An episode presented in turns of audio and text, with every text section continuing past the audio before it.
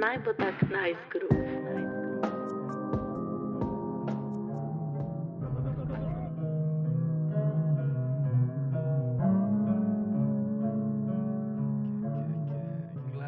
Hej, vsem, nec tule.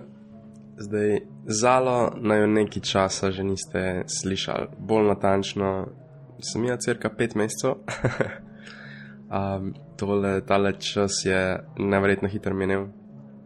Jaz specifično sem diplomiral marca in, in ja, sej veste, kako potem to zgleda. Ne? Pač daš neko, nek del življenja za sabo in potem kar naenkrat pride novo, novo obdobje s svojimi izzivi, s svojimi nekimi čist novimi zadevami in določene stare zadeve moraš kar nekako pauzirati, uh, ker ne moreš, preprosto ne moreš vsega delati. Če si prišel, da, da se tole nekako nadaljuje. In prva zadeva, kar bo mava še za nares zalo, kar se tiče glas balunsov, je zadnja epizoda popolnoma zadnja epizoda sedaj od našega sodelovanja z TEDxom. Tale pogovor bo z Ana Marijo in Aido, ki sta vodili celotno zgodbo TEDx University of Ljubljana. Koncept tega pogovora je bil tak, da sva posnela prvo z Zalo, se pravi, Zala je imela ena na ena pogovor z Aido, jaz, Nec, pa sem imel pogovor z Ana Marijo. Potem, nekaj tednov kasneje, pa sva imela še skupni pogovor, ker smo bili v Escape Roomu, kjer Aida in Ana Marija skupaj delata. Tako da smo imeli pogovor v štiri. Uh, tako da nekako del začel, podcast se bo začel z pogovorom med mano in Ana Marijo, nadaljeval se bo uh, s pogovorom med Zalo in Aido. In v teh pogovorih boste nekako spoznali Aido, spoznali boste Ana Marijo, uh, spoznali boste njun nekak edinstven pogled na celotno zgodbo TEDx University of Ljubljana in organizacije um, tega dogodka. Potem se bo pa vse to nekako povzel in, in dobili neko skupno noto v pogovoru, ker bomo vsi štirje skupaj. Tako da ja, upam, da bo tale pogovor um, tako kulski, kot smo se mi imeli kul, cool, ko smo to snemali. Uh, mi smo vedeli, da je to čist zadnja zadeva, ki bomo naredili skupaj, tako da je bilo precej specialno, ker če pogledate naš uh, podcast feed, leto 2021 je bilo kar prevzeto strani TEDx University of Ljubljana, precej nepričakovano. Ampak, ja. To zgodbo smo dali skozi, oba zalo sva bila precej navdušena nad celotno zadevo, ogromno so se tudi naučila, ogromno novih ljudi sva spoznala. Um, skupaj smo posneli iz glave, sem jaz 17 po različnih pogovorov, uh, oziroma ne, ne vem, zakaj sem rekel 17, uh, se pravi, verjetno je kar ene 25 pogovorov bilo, vse skupaj, ki je bilo potem zmontiran v, v teh nekaj epizod, ki smo jih uh, dali ven. Tako da, ja, zgodba je bila kar obsežna, in, ampak na koncu lahko rečem, da, da je dala veliko več, kot pa vzela. Tako da, ja, zdaj vas pa bom prepustil poslušanju epizode. Uživajte. No, in zdaj ste vi v bistvu nekako na koncu STEDx Univerze v Ljubljani projekta. Mm -hmm. Na? Čisto, Čisto na koncu. pri koncu. Ja, Pri koncu, ne še čist. Tako, uh, v bistvu to je en tak projekt, ki nima začetka in konca, ne, Mhm. uradnega. Tako. Je res, da se celo leto pripravljamo na ta en dogodek, ki je pač one-time project tistega leta, ne, ampak uh, potem še vseeno naše delo zajema tudi recimo socialno mrežja, na katerih pa moraš ostati aktiven, nekako, da ljudje vejo zate in tako naprej. Tako da te nalogice, majhne, se nikoli zares ne končajo, no. morajo se kar prelivati iz enega leta v drugo. Hmm. Ok, ok, ja, dejansko razumem. In to potem um, tista uh, ekipa za PR ekipa. PR ekipa, kreativa, tudi kreativo še angažiramo, da so seveda posti malo bolj taki mm, Živi. opazni. Ja, Mhm. tako, mm, da ljudi malo bolj angažiraš. Pa tudi tako se mi zdi, da ljudem veliko pomeni to, da če celo leto res gradiš na tem, da si pridobiš sledilce, da vidijo, da imaš kvalitetno vsebino. Ne? Da je pa tako, težko kar odrežeš stvari nekje, ne pa rečeš, ok, konc dogodka, konc objavne. Um, da je to vse en fajn, da se potem nekako nadaljuje, da je ta kontinuiteta in da potem, ja, da ne zgubiš uh, tistega flowa, ki, je, ki se prej ustvarno. Ja, vidva, se pravi, uh, ti in Aida Mhm. sta, sta v bistvu? In da so ja, letos prevzeli celo vodenje. Um, na začetku je bilo v bistvu mišljeno tako, no, mi dve zajdo, ajde je že dve leti prej bila v ekipi, jaz sem bila lansko leto v bistvu ekipa kreative, skoraj uh, nekakšna edina. In uh, potem nam je itak ta korona tako zagodla, da smo mogli tako, se zelo hitro nekako prilagoditi s dogodkom. Bil je planiran v aprilu, pa smo ga potem na novembra prestavili. In tako, tudi veliko govornikov se je vmes, ali niso imeli potem časa za novembra, ali um, so se nekako um, premislili, imeli druge plane, v glavnem, kakorkoli je bilo kar tako leto, ko je bilo velik izziv za celo organizacijo. Uh, potem pa je ta prejšnja vodja dela um, se je odločila že prej, no, da bo to njeno zadnje leto v bistvu vodenja. Um, in se mi zdi, da Aida je tako, tako, eh, tako zanesljiva, kot je, ne, in um, tako super, kot je, je bila itak nekako super izbira za naslednjo vodjo in mislim, da je dela že kar dolg časa na njo računala. No.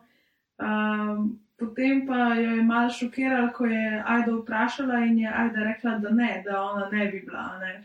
Mm. In um, v bistvu, jaz sem pa takrat, ko se je bolj ta korona začela in tako smo dejansko z ekipo glasovali, a bomo izpeljali dogodek um, pač online, ali ga sploh ne bomo, ne? ker v bistvu nismo imeli uh, tako močne multimedijske ekipe, da bi si lahko prvoščili stvari, sredstev smo imeli tudi fulman na razpolago in potem pač smo bili, seveda, vsi, ki smo bili tam, smo rekli, pa dajmo nekako speljati, ne, dajmo, že toliko časa gradimo na tem, pač valjda, uh, nekaj moramo narediti in res jaz. Um, Ko kar prehiter, kakšno stvar rečem. No, um, parkrat sem že montirala stvari, ja, veš, uh, na raznih programih in tako.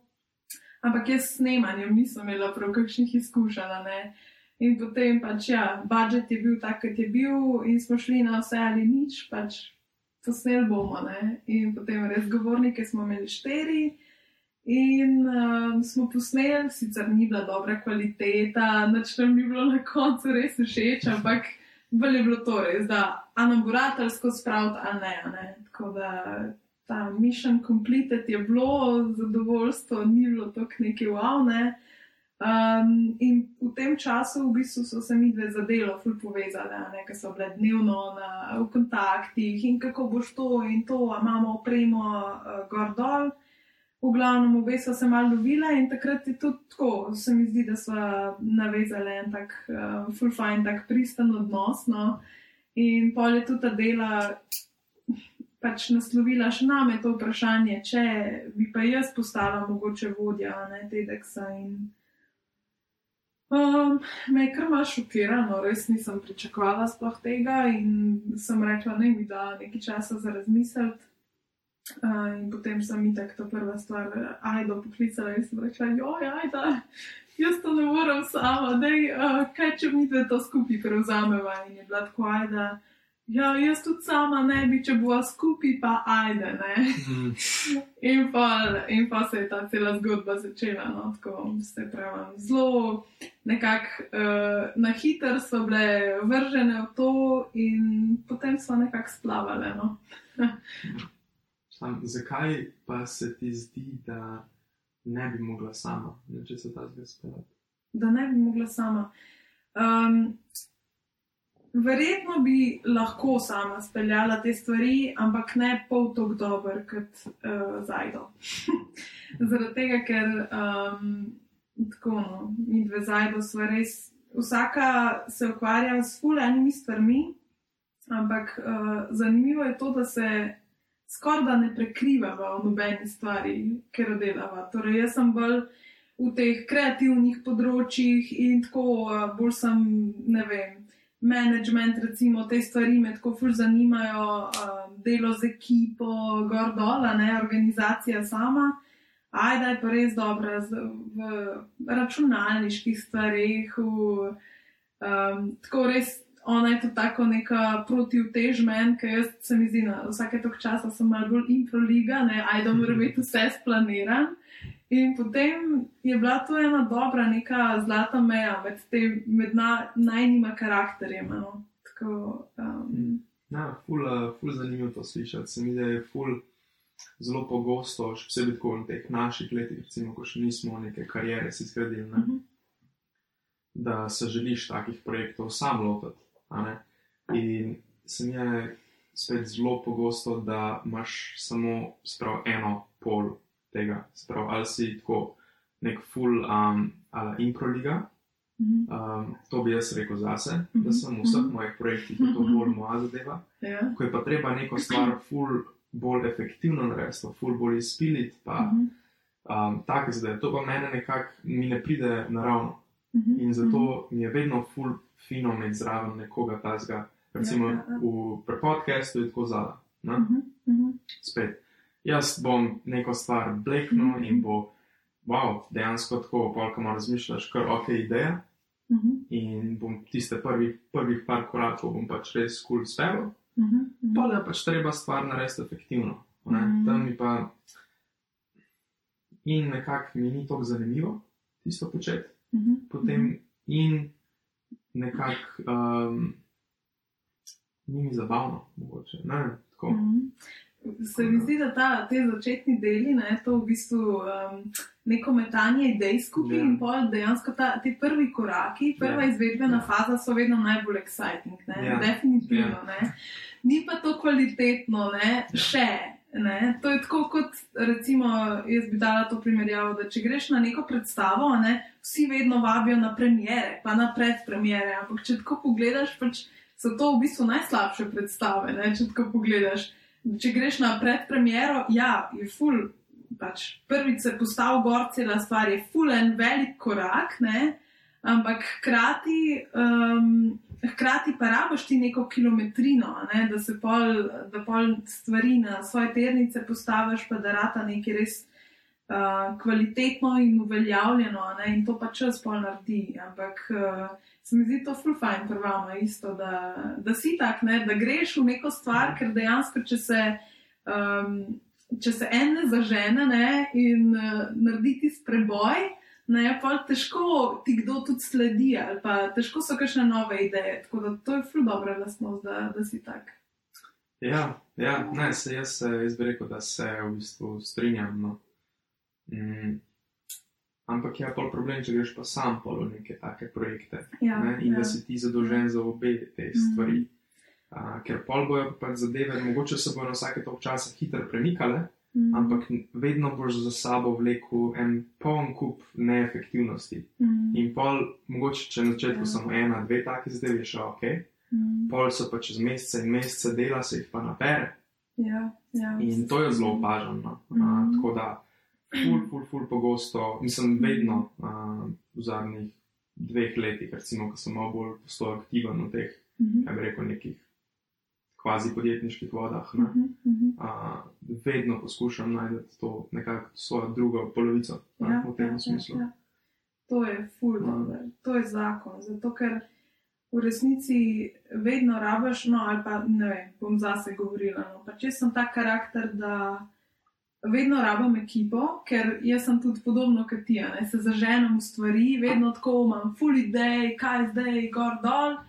Um, potem pa rabiš nekoga, s katerim čekiraš te ideje. Ej, a se tebi zdi to dobra ideja, a bi, a ne, rabiš nek feedback dejansko. In če imaš nekoga, ki je tvoja sovodja, ne, uh, imaš v bistvu ta instant feedback, takoj ne, vržeš nekaj in reče, hej, ne, to pa ni kul. Cool, in je fajn, da imaš ta nek prvi filter, ne. In to so bile mi dve pol ena drugi. In je pa tudi res, da so obe taki, da niso zelo taki, da bi um, preveč solo igrale neke vloge in tako, da obe res rabva ekipo, da, da nama je to ful pomenilo, tudi da imamo člane ekipe, na katere se lahko zaneseva, da tako res. Pa so se večkrat ozirali nazaj na to začetno fazo, ko smo v bistvu izbirali ekipo. Um, da je bilo res neverjetno, koliko smo se na hitro povezali in v decembru smo se nekako najdel skupaj. Ne? In potem se nismo videli drugače kot prek Zuma, ampak vseeno smo uspeli nekako vzpostaviti ta pristan stik, oziroma pač to, da, um, da se lahko tudi o čem več kot samo tedek se pogovarjaš, da veš za nekoga, hej, ti pa to pa to treniraš, hej, kako ti je prišlo tam na tem pa tem tekmovanju, ne, ali pa da se malo poupdateš tudi o osebnih stvarih. No. Tako da um, to je nama zdaj dobro največ na svetu. Sej jaz pravim, pač lahko si ti vodja, ampak brez ekipe pač ni, nima šans, pač si nula. Hmm, a pod ekipo šteješ tudi to svojo drugo vodjo? Ali? Ja, seveda, tako. Hmm. Um, in tudi mi dve kot člana ekipe nikoli se niso počutili, da so mi dve nad nekom ali pa da imamo mi dve res ful večjo moč kot nekdo drug. Ne. Uh, vedno, vedno smo se nekako skupaj odločali za stvari in tudi to je nama ful pomenilo, da smo imeli od njih feedback. Um, tako da to, to mi je bilo zakon. Pač te odnosi, ki smo jih lahko vzpostavili, um, to je res najbolj vredno in tisto, kar eh, mi je tako najbolj dragoceno no, in pri srcu. Ja, tudi to, kar bo ostalo. Mm. Mm. Uh, kaj pa so kakšne, sprav, kakšne druge zadeve, kaj si se mogoče naučila tekom teh parih mesecev, mogoče vse ali pa nasplošno v nekakšnem operiranju kot uh, vodja nekega tazga, kar ja. konkretnega projekta. Mm -hmm. Ja, ne vem, kje bi začela naštevati res. To, ki je bilo enih stvari, iskreno, mi dve zajedno smo res dihali s tem projektom letos. Tako, ni, to, ni bil to najn job, to je bilo tako najno poslanstvo. Ne? In tudi to, kar zdaj smo se tudi pogovarjali, ne? pa smo sprašvali, ali so bile dosta žurni ali niso bile dosta žurni, pač mi dve res. Kadarkoli je kaj takega bilo, 24-7, če kdo karkoli rabu suporta, ne, um, to je bilo res tako, neka najna, tak, res poslanstvo, ki so si to zadale, da bojo dobro speljale in uh, so se res na tej poti naučile ful. Druga od drugih, kako funkcionirava, tako da so se na koncu lahko tudi prek zuma sam pogledali, pa so točno vedeli, kaj kera misli. um, in vse, posaka. Um, in meni, kar mi je bilo najbolj dragoceno, je to, da so tudi druge, drugi lahko dajale feedback za določene naloge. Hej, to ti je ful dobro šlo, ej, res, to je tvoja močna stran. Ali pa hej, tukaj bi pa mogla še malo tole spilt, ne, to pa ni bilo danes tako kul, cool, se strinjaš, ja, res ni bilo kul, cool, da je še kaj na tem področju narediti. Tako da res ful se naučiš in oseb, in kako funkcionirati z ekipo, ne, in pa tudi z vsakim posameznikom. Um, Meni recimo je bil najbolj exciting ta del uh, začetni, recimo, ker smo spoznavali vse ljudi in tudi nekako moraš um, dobiti nek feeling, kako komunicirati s kom osebe so ful različne in um, z enim lahko imaš kakšne malo bolj take fore, ne? z nekom si jih ne moreš provoščati. Pač, um, tako da ja, no, zelo je bil exciting men ta del, da um, komuniciraš z drugimi in se nekaj naučiš vse. Pač, okay. Okay. Mm. Če bi zdaj le imela možnost da bi bil, evo, čez štiri mesece in nov TEDx University of Ljubljana, a bi šla takoj zdaj za vodja spet. Ja, v bistvu sem že podpisala to pogodbo. A je, a je to lahko noter v, v epizodi, ali je lahko, je javno znanje. Yes. No, okay. In kdaj bo? Um, ja, pričakujemo v istem času, drugo leto. No. A, okay. um, ja, sva pa zajdo si zadale, da zdaj v tem letu nekako uvedeva še nekoga zraven in mu predava hkrati vse znanje, ki so ga mi dve pridobile v teh mesecih. Um, da, da nekako ne vrževa nekoga direkt v vodo, pa ne plava, ampak dejansko, če želiš kvaliteto držati pri takih stvarih, se mi zdi nujno, da je nek sistem že vzpostavljen, ker mi, da so ga res čisto od nule postavljali. Ja. Um, še posebej, če bo recimo cel koncept naslednjo leto ponovno, po, pač podobno, kot je bil zdaj, ne, se ja, pravi, da bo ja, posneto ja. vse. Smej je to čist drugače, kot je bilo prej, ko je bilo samo živo. Smej je to. Ja. Samo obe imata svoje, um, svoje prednosti in slabosti. Uh -huh. Ampak bi rekel, da je vsaj tehnološko veliko bolj kompleksno. Um, uh -huh.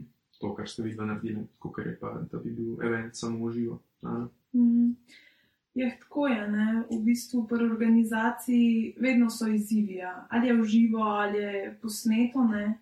Um, ko snemaš, je zoperen del ta tehnika, ker nikoli ne veš, kaj bo šlo na robe, pač kaj bo. Kaj ne bo šlo po planu, ne vem, lahko ene baterije zmanjka v mikrofonu, pa cel govor ni nič vreden, pol, in moraš spet znova iti. Tako da, um, eni so predvsem pogrešali, bi rekla, to, da so bili te govori v živo ne, in dogodki v živo, ta komunity se je ustvaril res je bil podarek na tem, da se študenti tam srečajo, da je res to nek dogodek, kjer se širijo ideje vredne širjenja in um, kjer smo študenti za študente, um, drug za drugega organiziramo to in se dopolnjujemo v stvarih, v katerih smo dobri. Ne? Um, zdaj, virtualni dogodki pa tako je, ja, mogoče s tem predposnetim dogodkom veliko lažje vzdržuješ nekakšno kvaliteto eventa. Ne? Mm, Je pa res, da je veliko težje angažirati ljudi prek spleta, ne? zdaj za zastavljanje vprašanj, da se oni vmes zamislejo. Ne? In tudi, če si ti doma, če spremljaš neko tako stvar, webinara, ne? ti misli hitro odtavajo, zato ker pač si doma. Ne? In ne vem, mogoče si daš kavo, si prstaviš gor, ne? pa vidiš, da ti vmes voda zavre in šibaš tja, si kavo narediš, zamudiš pol stvari. Ne? Um, če pa si dejansko na dogodku v živo, ne, prideš, se usedeš in si fizično in mentalno tam, pač nekako uh, vse ti lahko tudi misli odplavajo. Ja, Ampak um, načeloma pa takrat si res vzameš čas za to in ni multitaskanja, ne, kar česar smo zdaj ful navajeni. Mm. Hm. Ja, ja. Pa tudi to je sem jim imel, sprav, ko, ko govornik pove svoj govor, ne tistih deset mm -hmm. minut.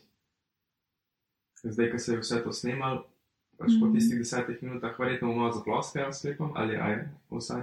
Sprav, ko ste vi snimali, je bilo kaj ploskanja? Ja, seveda, itak. Um, govorniki so bili ful dobro pripravljeni in moram reči, da je vsem skoraj prvo šlo čez cel govor.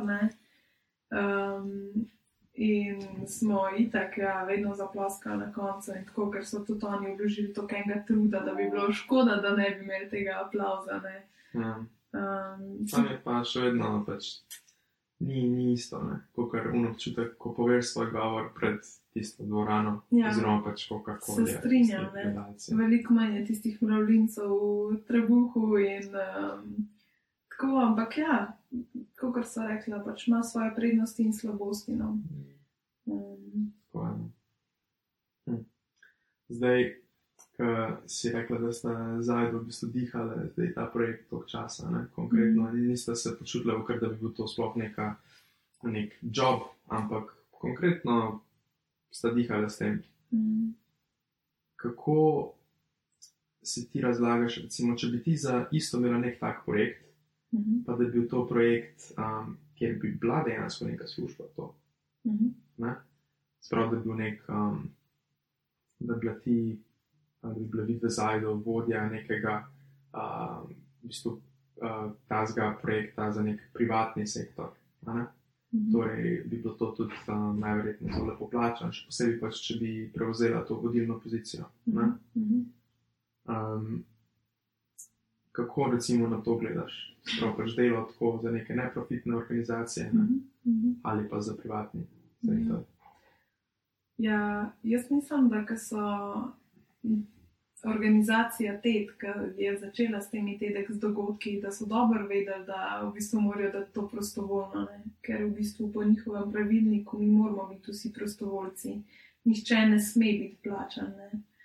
Um, in jaz mislim, da je to ful dobr iz tega vidika, da um, ti nimaš te komponente denarja in dejansko se vržeš noter v ta projekt in delaš za to, da bi bil kvalitetno izpeljan in za to, da bi um, ti lahko širil neko to.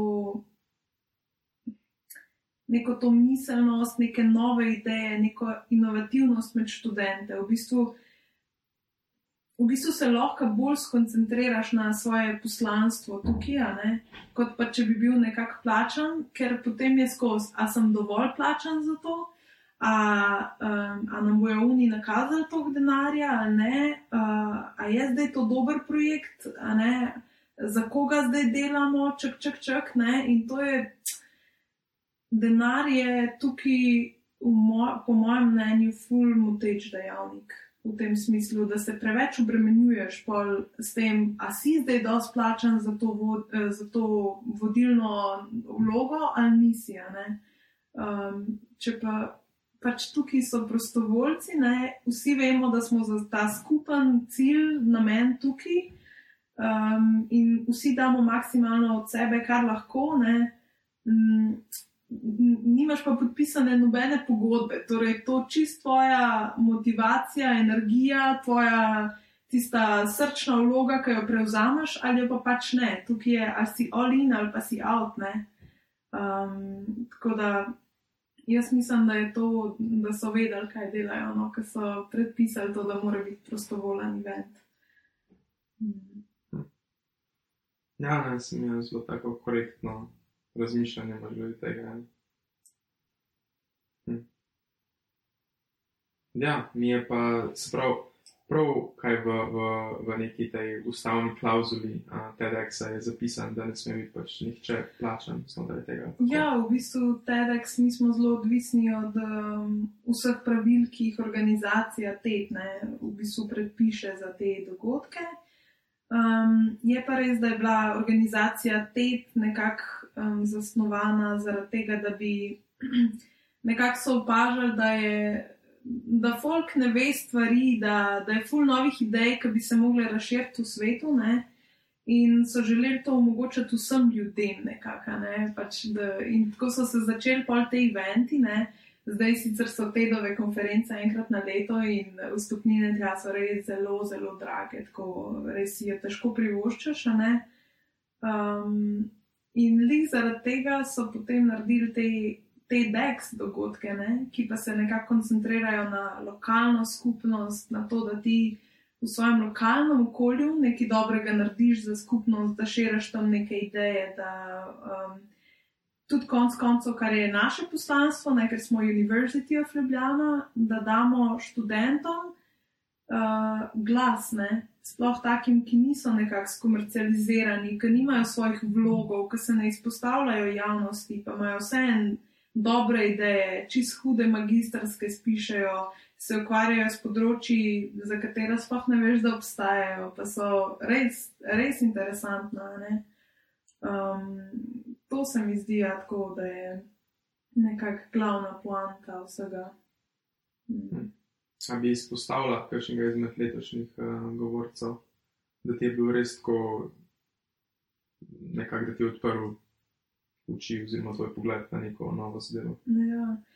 Um, jaz letos sem čisto vsakem govorniku, ki smo ga imeli, našla svojega vzornika. Res, vsakem, zato ker vsak se ukvarja s svojo stvarjo, vsak je na, svoji, na svojem področju res specialist. Že, In um, to se mene ful dotakne, pač, da, da je neka oseba, ki je pripravljena delati z nami, par mesecev, da pripravi res dober govor in da na nek poljuden način poda to osnov oziroma znanje, ki ga ima, ne, da preda tudi drugim študentom. In mene se je res vsak govor se me je malo posebej dotaknil in tudi fajn je bilo spoznati te ljudi. Tako kot imaš ti podcast, pa povabiš sem ljudi, ki so ti zanimivi.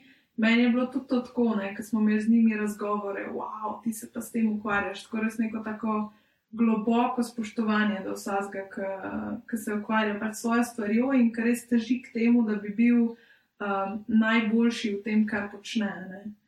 Um, tako da ne, jaz res prav vse občudujem, ker so se letos lotili tega in šli čez ta cel proces in nekako rastel z nami tudi čez to obdobje. Da, ja. Kaj pa je potem zate tukaj um, nek naslednji korak? Spravo pa zdaj TEDx, TEDx University Ljubljana konec. Mm -hmm. Kaj bo, kaj, a imaš zdaj neki tazga, a, a mogoče razmišljaš? To oseben projekt, Vrtko? Mislim, lahko to, ali pa mogoče pa če imaš v mislih, se pravi, TEDx Ljubljana.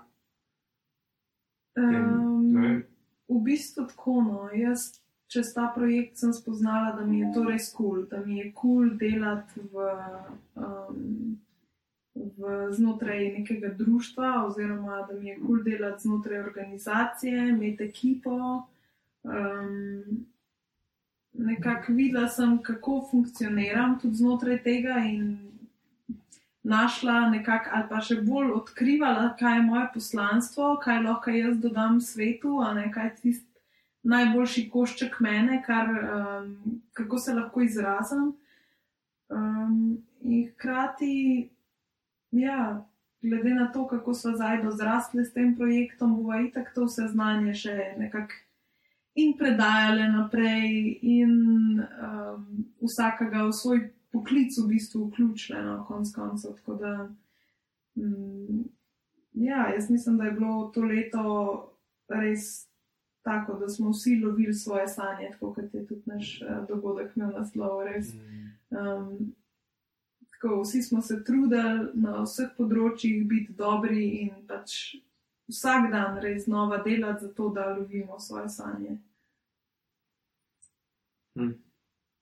Ampak nisi pa se mi odgovorila na vprašanje. Sprav, kaj, je, kaj je naslednji korak za me? Kaj je naslednji korak za me? Ne vem, kaj je naslednji korak za me, ker sem tak človek, ki je zelo odprt za vse stvari in mm. pač kar mi pride nasproti, um, na to se nekako odzovem. Ne? Um, tako da za res načrta jaz nimam, ne? ker sem bolj uh, infraligaške yeah, ja, narave. um, ja, tako da bomo videli, kakšni projekti še pridejo nasproti. Mislim, tak, um, tudi na faksu, na notranji upremi sem tako zelo angažirana za stvari, fur se mi zdi fajn, tudi to se mi zdi, da sem res odkrila neko tako stvar, ki me res zanima, ne? tudi znotraj tega. In, rada bi ta področja združila, nekako prišla na tisto točko, kjer se srečajo vse te stvari, ki jih zdaj počnemo. Ampak, kaj v mislih, da bi bilo bilo kaj tasga? Neka industrija ali pa neka speci specifična pozicija, ki bi vse to mm. združevala? Jaz mislim, da bi rada še vedno delala nekako na. Um, Z ljudmi, na, tudi na organizaciji dogodkov, Ker tudi, če tako pogledaš, recimo, jaz to escape room, kar delam, je to, da vodim skupine, jih prevzamem, jih vodim čez cel proces.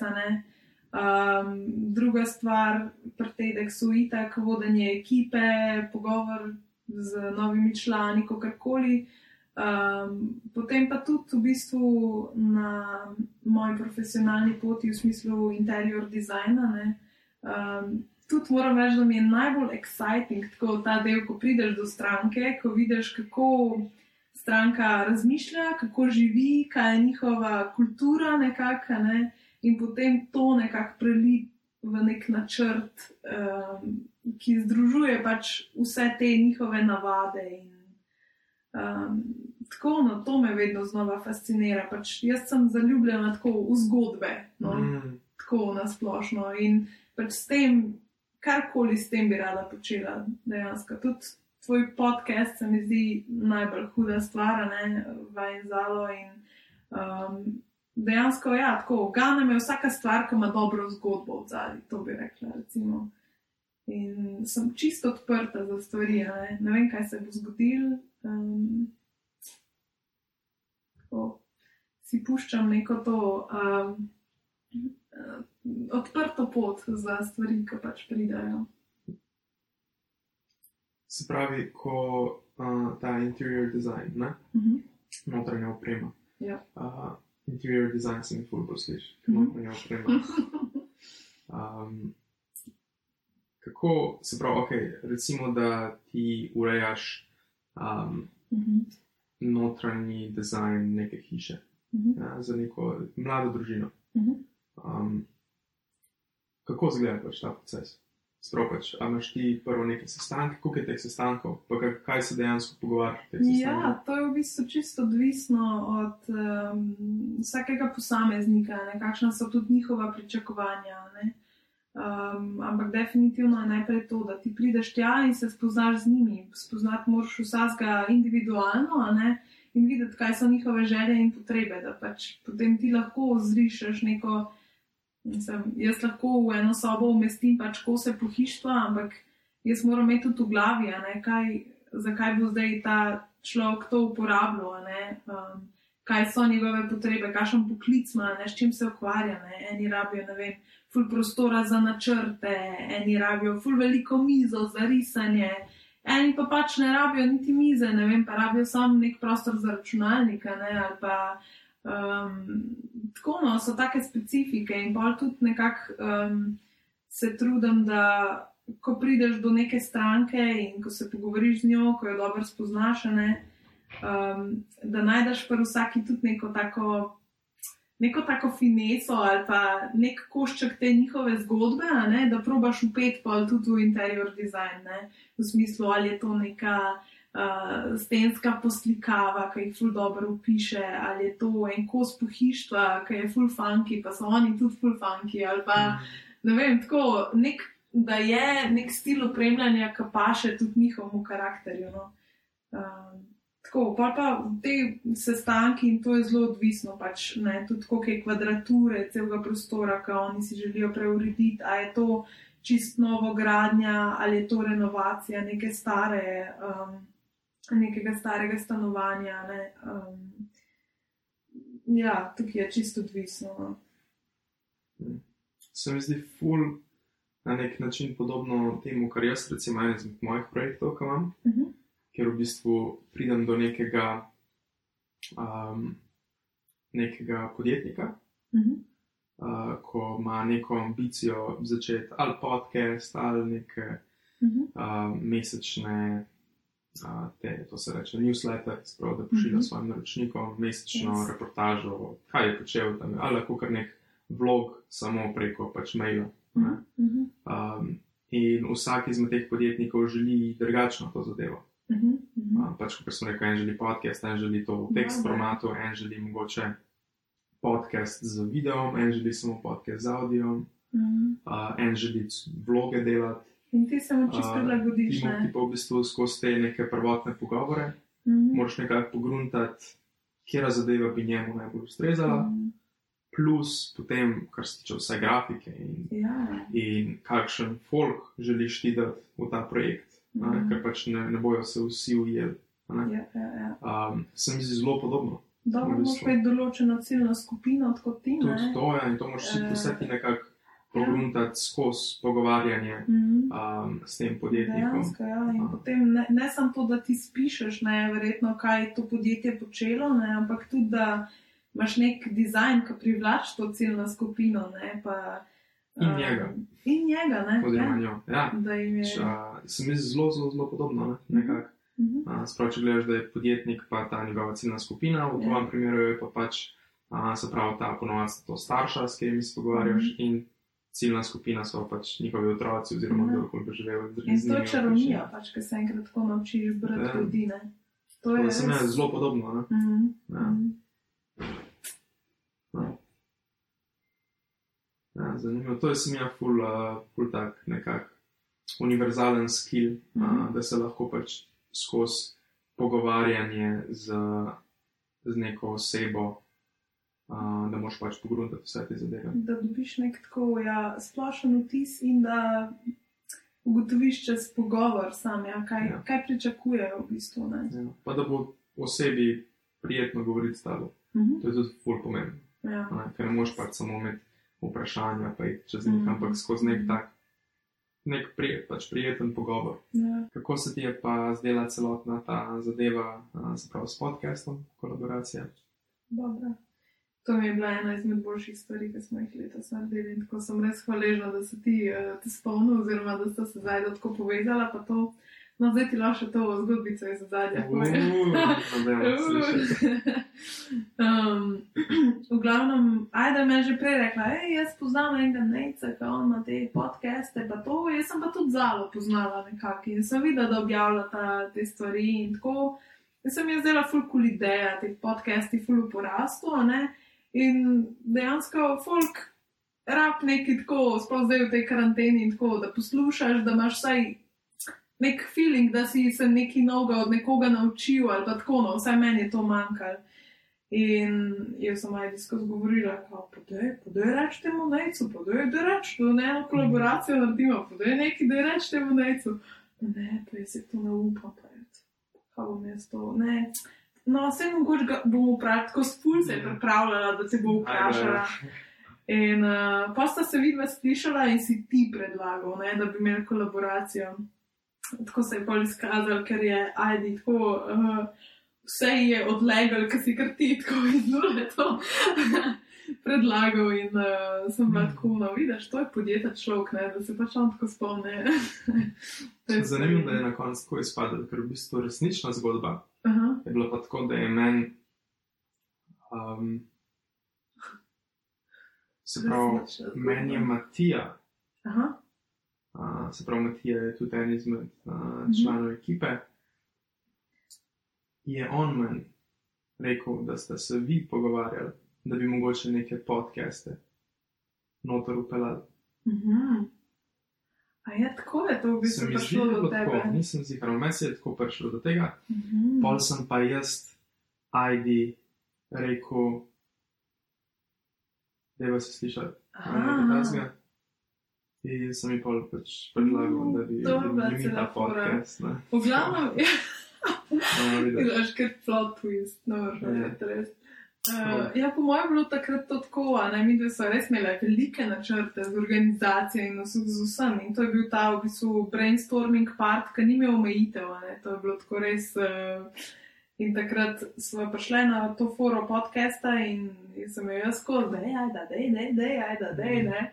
In uh, pa možno, da so na enem izmed sestankov rekli, tako, Mhm. kao, da, da bi nam bila všeč fora podcasta, ma niso vedeli, kako bi se tega točno lotile. ne. Osnovna ideja je bila tudi, da bi mi imeli svoj podcast nekako, ne? ampak spet naša organizacija, že tako, ko smo jo iz nule postavljali, je bila tako obsežna, da še en podcast zraven postaviti na noge je bila, bi bil iskreno skoraj prevelik izziv za najmo. Um, pa sej tehnika bi se najdla še pa to, ampak rabaš nekoga, ki vsem se malo spozna na te stvari, pa ima že kakšno izkušnjo tega prej, a ne, ker spet pa nočeš čisto no, se pa učiti na teh prvih epizodah. Ne. Um, tako da to mi je bilo zakon, da smo lahko letos sodelovali. Tudi, um, se pravi, recimo za neke članov ekipe sem jaz eh, iz teh eh, epizod podcasta zvedla kar nekaj novih stvari ne? um, in sem jih pa še vedno tako hecala, malo tako, hej, pa kaj nisi tega povedal, ne, a moram jaz to na podcastu zvedati, ne. Um, ali pa tako je, tako da ne, ful, ful dobro. Tako kot interno, ne, da smo se mi med sabo spoznali in tako, da smo se odprli nekako javnosti, a ne, ker pri vsaki organizaciji dogodka je tako, da ekipa je nekako tista, ki je skrita v zadju, da vse stvari lepo tečejo. ne.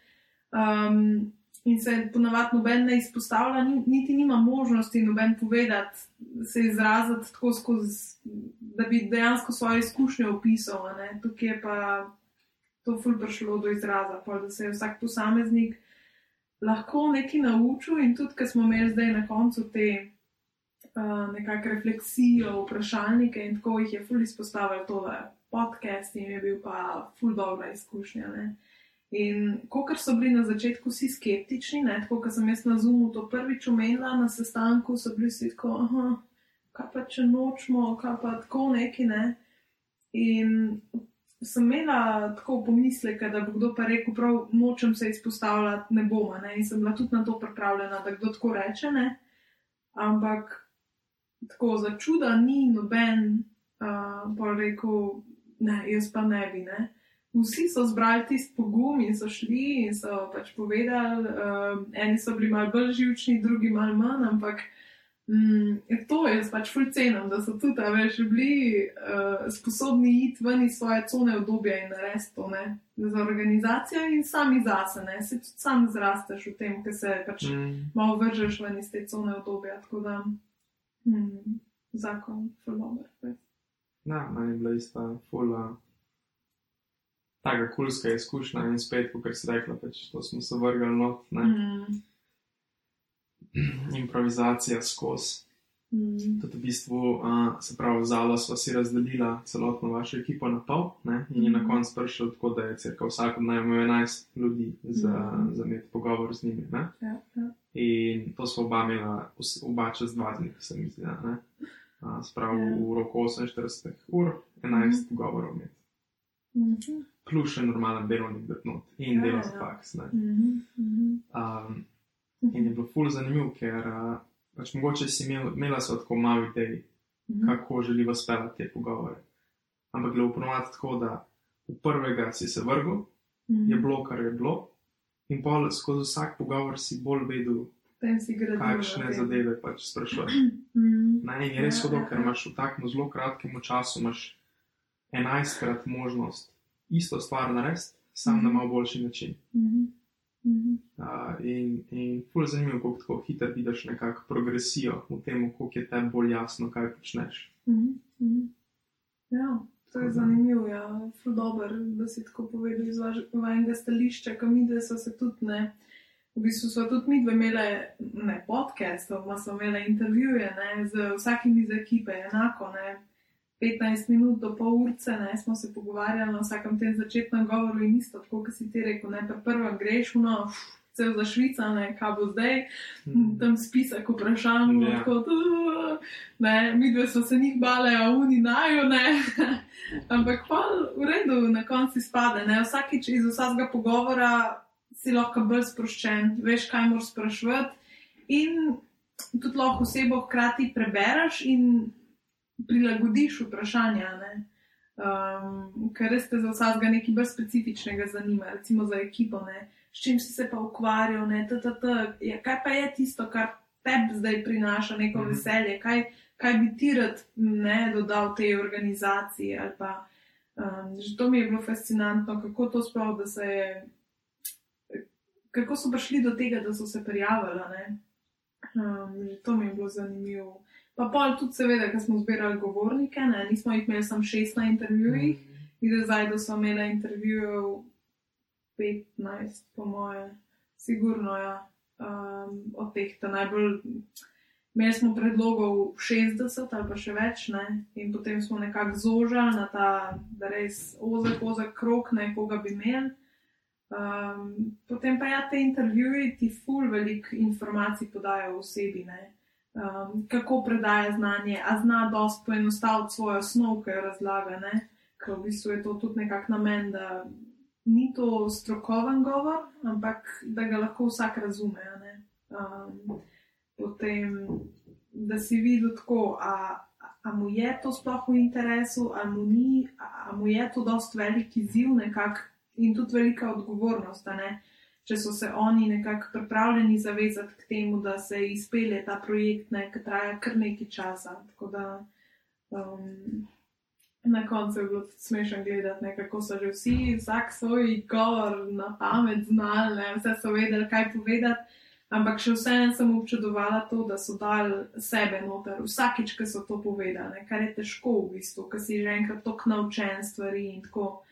Um, da pa, vsakeč tako poveš, kaj bi bilo prvič, ne? to je največja ta umetnost. Pol. In ja, ja, to je ful, ful zanimivo. Pa tudi vidva sta v bistvu ful enega folka v kratkem času spoznala. Ne? In da imaš pol ure za nekoga, da se z njim spoznaš, dejansko mm. prvič vidiš, da imaš prvi kontakt s to osebo, pol ure, da posnameš z njim podcast ne? in mu mhm. zastaviš kvalitetna vprašanja. Uh, povlečeš iz njega tisto, kar si, si nekako zamislil, ali tisto, kar res hočeš, to je kar projekt, tak občudovanje vreden. Ja, nekako so si zalo zastavila čist celoten podcast in potem mm -hmm. specifično te, ki smo jih imeli uh, z vašo ekipo, kot tako na, te, na tem pre-drinkingu. Ja. Ne, se pravi, kot ti, kot recimo nek, nek tak um, social gathering, pa je tako 12-13 folka. Mm -hmm. In se ti znajdeš, da nekdo zraven tebe sedi, Mm -hmm. ne? in se mogoče začnejo že pogovori iz enega pogovora skupaj, da je 12 ljudi, da se skupaj pogovarja, da se pa začnejo tako malo razčlenjevati na manjše skupince. ne. Mhm. Mhm. In da se pa ti z eno osebo malo tako pristaneš z nekom in se moraš z nekom znajti. in se moraš znajti. ne. Mhm. In v bistvu nočeš površinsko govoriti. Ne? Ja. Hočeš čim prej priti do nekih zanimivih zadev, ko oba Mhm. zanimajo. Mhm. In točno tako uh, smo v bistvu poskušali zastaviti te Mhm. 30-minutne pogovore z vašo ekipo. ne. Mhm. In pri večini ljudi je ful lepo spevati, vse, pri kakšnih bolj, pri kakšnih malo manj. Um, Je pa res, da sta mogla tudi s pol ure vidva to skrajšati, ne? in v bistvu, ker delček tega pogovora vzeti, ne. tako, jaz tega ne bi mogla, recimo, jaz se navežem na vsako tako stvar in pol bi mi bilo ful težko nekaj odrezati, ne pa reči, le, evo, kat, kat, to imamo, ta delček, da je noter, ne. Hm. Tako da, to, to se mi zdi tako, kva, kako lahko to, jaz ne bi mogla. ja, ne, se razumem, še posebej, ker je to že nekako narejeno delo. Ne? Mhm. um, ga je težko polči stran, losati se. Samo v parih primerih je bilo pa res tako, da, da je bila to ta rešilna bilka, Aha, mhm. ker um, tistih 30 minut pogovora ni bilo zanimivih za poslušati. Recimo, ne. Vse je zgodilo, mm. veš. Tako kar normalno, pač ne Verjamem, moreš, ne moreš biti. ne, ne, ne vzpostaviš z vsakim kontaktom Ja. ja. tako naravno. Ne? Ja, mogoče si bil ti malo bolj zmatran, mogoče ona, Zdaj, mogoče je bilo preveč nekega, neke nervoze, Ja. ali pa je bil, ne vem, Že tako, veš, pričakovanja, po mojem. Um, tako, recimo, kaj ti pričakuješ od nekega podcasta, ki greš nekam zdaj, a pričakuješ to, da bo res nek uh, sproščen pogovor. Ponavadi ne, jaz mislim, da si vsi zastavimo tako nek najslabši scenarij, v smislu, da prideš, da bo imel ta, ta, ta, ta, ta vprašanja napisana po eni listi in te bo sam sprašoval in bo hotel hitre odgovore od tebe, ali pa neke kratke odgovore in se ti psihično pripraviš, da bo najhujš možno, ne. Pa pa prideš um, k tebi in ti si čel, cel čileks in Mm. uh, kaj pa je, ne, kako pa to, pa uno, pa vsako stvar hočeš nekako tudi s svojimi izkušnjami povezati ne, in se z vsakim nekako, tako kot si rekel, ne dobiti um, neko to skupno točko ali pa neke skupne interese odkriti. Ne. In uh, se mi zdi, da je to marsikoga pa tako presenetilo. Um, čeprav so zdaj doprej rekli tudi, da ne si poslušajo kakšno epizodo, pa tako, ne, sej velikih je šlo Mhm. poslušati, ampak vseeno ne. Ne veš, kaj pričakovati, in to je bil največji strah, po mojem, tudi. Joj, bom kaj beba zgarejko, ali Ja. pa ne, joj, bo kaj res butas ga bom izjavil, izjavila. Ne. Ja. Mm, to je ta največji strah. To sem imel uh, z eno, uh, z eno, z eno izmed vaših punc, ne Ja. bom pač nič specifično rekel, kdo je to, ampak Ja. to kulsko debato sva Aha. zvedla zaradi nekega njenega študija Mhm. in sem jaz neki um, napelu, uh, v smislu, da moški, pogovarjali smo se, a so moški ali ženske boljši pedagogi, v smislu, pač boljši profesori. Aha. In ona je ful trdno vzela Mhm. za eno stališče. Ne. Mhm. Mhm. In je bilo res tako, ful zanimivo, tako desetminutna Sta bila debata. In povedala je neke svoje izkušnje, niso bile kontra, v bistvu so se nekako strinjala. Aha, aha. Ampak pol je pa rekla, če bi lahko, v bistvu, da, da ni čez zikar, če se s tem strinja Mhm. in če lahko damo ven. Mhm. Mhm. Ne. Kar meni tako ful škoda, ker je bil res tako, ful zanimivo, pač mm. Mhm. imela to neko teorijo. Mhm. Uh, tako da, ja, še vedno pač tisto se da pa ven, če oseba Ja. res želi. Voda, ja. Jaz sem jo poskušal tako malo na tak Aha. pasiven način prepričati, da pač pustimo not, ne. Ja. ampak uh, je kar ustrajala. Tako da, Mhm. ja. cool. vse to, le, to je tudi važno, da znaš pač povedati, kaj ti je kul, cool, pa kaj ti ni. Sej, um, Če to. no. karkoli, ja. Enač. Ana Marija, um, bi se ti zahvalil, da si prišla. Z veseljem. Uh, tako da se vidimo potem v skupni epizodi. ja, cool. Hvala tebi, ne, prav zakon. Se mal uh, tako um, neko refleksijo narediti še nazaj za dogodek in za vse. Ja, dejansko se ful bolj prijetno počutiš. pol. Ja, ja. Tako, ker da, da pač si vzameš pol ure, pa začneš Mm. pisati nek Mhm. Dnevnik ali pa No. tako refleksijo Mm. dogodku, ker pa imaš res občutek, da ok, pač ta, to poglavje je zaključeno. Uh, uh. Naj skrbimo. Ja, pa recimo vse to, ne. to tudi Aida je taka, ne, ona si bo, ne glede na to, koliko je ura, kdaj, koliko ima obveznosti, si bo vzela čas, pa bo nekaj spisala. Ne. Jaz sem pa taka, da si premalo časa za take stvari vzamem in mi je ful dobro, tako da, da res, evo, zdaj sem imela dve uri, se usedeš, pogovarjaš in si sam za to tukaj in tako, ja, da res vse misli v to usmeraš in je pa to čist nekaj drugega. ja. Ti si bila vodja tega projekta, ne? Eh, Recimo, rečemo, so vodja. sovodja, Ja. Ana ja. Marija je vodila, jaz sem pomagala. Um, ja. ja, kako, sta, kako sta pa videli prišli od tega, da sodelujeta? Ali pač je bilo od začetka tako, ali sta se to dogovorili, ali kako je prišlo do tega? Mm, ja, torej, jaz sem bila že pred dve leti pri TEDxu. Prvo leto sem um, bila pač v ekipi programa. Um, potem drugo leto se je skoraj cela ekipa zamenjala in sem jaz edina ostala od ekipe programa in pač prosila vodja, če bi prevzela vodenje programa, kar meni ful ni bilo všeč, ker ful nisem hotela biti v vodilni funkciji. Um, ampak uh, sem bila tako, ok, pač je tako snedina, ker imam neki pojma, kako bi naj stvari izgledale. Pač bolj, kot da kar nekdo to pač počne. Ne? Jaz sem bila ok. Um, pa pa smo se v bistvu, um, sem pa jaz tudi Ana Marijo pač pripeljala pripeljala k TEDxu. Um, s tem, da je imela na začetku malo slabo izkušnjo, v glavnem, kakorkoli, ona je bila pač v ekipi kreative. Um, pol se je pa na koncu pač prejšnje sezone, torej 2020, um, sta se tista vodja in sovodja, ki sta bili, um, sta se odločili, da pač zaključita svojo um, kariero oziroma funkcijo. Um, in sta pa pač se obrnili na mene, če bi bila vodja, in jaz sem bila tako, "Ja, ne vem, če sem jaz to sposobna.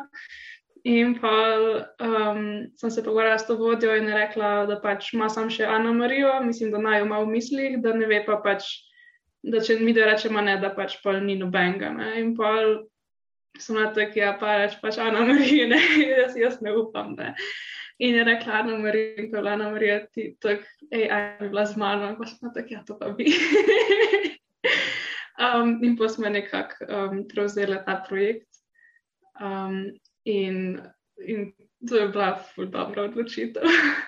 No, ok, zanimivo. Se pravi, v bistvu so ti ponudili vodenje, ampak nisi sprejela te vodstvene funkcije najprej, če sama. Kako Ja. pa to? Ej, jaz se nikoli nisem počutila kot nekdo, ki bi bil vodja. Jaz fura, da delam v skupinah, Uh -huh. pa ni mi težko pač, ne vem, včasih občasno pač, ne vem, prevzeti pobudo ali pa ne vem, če treba kaj vprašati. Pa, a veš, kaj sem imel včasih, a ne, ker sta šla vedno dva do profesorjeva kabineta, pač jaz trkam, ti govoriš, jaz sem glavna, ki govori, mi pač ni problem pač kaj vprašati ali pa ne vem, se kaj zmeniti. Um, ampak nisem pa nikoli pač si želela imeti te neke ne vem, od, odgovornosti, oziroma tudi pač nisem se sploh videla kot nekoga, ki bi vodil nekaj. Pač. Uh Mhm. -huh. Jaz sem uživala v tem, da sem tak nekdo, ki pač ve, zakaj se zadeve grejo, da ima vse en ta nek semi-big picture, ampak ne rabi se pa aktivno odločati. um, ker to je, to je najtežja stvar, um, sprejemanje odločitev, se mi zdi. In um, pa zato, ker se nikoli nisem videla v tej vlogi, mi je tudi bilo recimo zelo težko sprejeti odločitev, da vzamem sploh vodenje programa takrat eno leto prej. Ampak tisto v bistvu sploh ni bilo se mi ne zdi tako zahtevno. No. Pač vsaj v primerjavi s tem, kar je bilo letos, je bilo tisto easy peasy lemon squeezy. Mm. um, da, ja. Se pravi, je bilo to dost izven tvoje um, cune dobe. Zelo, zelo. Ampak, to si kar odločno povedal. Ker se je enkrat pač začelo, ne, pa ni bil več tak problem. Pač najtežje je bilo sprejeti odločitev, da se temu nekako posvetim in komitam. No. Ja, razumem. In pa sta bili dve močni ženski na vrhu Terexa. um, Kaj vidijo za Ana Marijo, sta meni zelo taki, zelo taki power, power ženi delujeta in tako fulover. Jaz sem drugač tudi Ana Marijo, tako vidim. Tebe ne v taki meri, do neke mere ja, tako sem, veš, se trudim biti taka, veš, strong, independent woman, vse znam sama narediti, ampak um, ne, ne vidim pa sebe kot, mislim, to je tako pač, kar jaz mislim o sebi, ne pač kot nekoga, ki ima tak karakter, oziroma to mogoče mm. izžareva, ampak I might be wrong. Le, jaz ti povem, kako jaz to vidim. Mm. Um, ampak ne, res tako lepo si rekla, da, da se čutiš, v bistvu ne dvomiš toliko v svoje sposobnosti, po mojem, kot kar sam tako si. Ne bi sama tega delala, ker če bo še nekdo tukaj, je pa tako bolj zihar, da bo to ok. Mm, ne, če ne. Okay. Um, v bistvu to, ali je še nekdo, ali sem sama, nima toliko veze. Tukaj ima predvsem vezo, da je specifično pač Ana Marija, ker pač mi se odprej poznava in jaz ne pač ful zaupam in pač vem, da je ful sposobna in da če pač gre karkoli na robe, pač ona krije meni hrbet. Um, in pač tudi, pač ona zna vse narediti, vse zna zrihtati. Um, in je tukaj pač specifično to, to da je pač mhm. Ana Marija. Se pravi, vajna dinamika je bila tako, je bila odločilna ja, za to odločitev. To, ja, to je bila ena stvar. Druga stvar je bila to, da pač sem bila nekako vprašana, da bi jaz prevzela, jaz kot ena oseba. In se mi zdi, da je to prevelik projekt, da bi ga lahko ena oseba sama furala, če zraven poskuša še neki biti na faksu ali pa delati ali pa nekaj. Um, tako da tudi to, um, kar se tiče pa zaupanja v svoje sposobnosti, Pa ne bi rekla, da spet, da si ful zaupam, ker to je spet ta mal, um, veš, greš v neke nove vode raziskovati in pač se počutiš kot totalen bedak. In to je, to je dober, moraš se počutiti kot bedak, zaradi tega, ker če ne, pač se nič ne naučiš, ker misliš, da že vse znaš. Um, in pač tako, jaz recimo, kar se tiče vodenja, sem na tak, um, kako to narediš, kako narediš sestanek. Um, Mislim, ok, vse kak ta manjši sestanek sem že imela, s tem, da se mi zdi, da je bilo še toliko bolj, mm, še toliko večji zalogaj, ker smo se za Ano Marijo nekako odločili, da preden karkoli začneva, se usedemo dol, se mal pogovorimo, kaj nam je bilo prejšnja leta všeč, pa kje še vidimo nek prostor za izboljšave. Um, in sva, oziroma ali pa tudi sam spremembe, no ne nujno izboljšave povsod. Um, in smo v bistvu nekako vzeli stvar, kot da ni noč in da moramo iz nule zgraditi. Torej, nismo se nekako opirali na to, da so pač ene stvari že narejene, pa utečene, pa tako. Um, ampak smo, vsaj jaz sem imela tak feeling, no, da smo v bistvu nekako v svojih glavah vse iz nule postavljali, nekako našli nek sistem, ki pač nama ustreza. Um, pa hopefully tudi ekipi. Yeah. Ja. um, tako da se mi zdi, da je bilo za to še toliko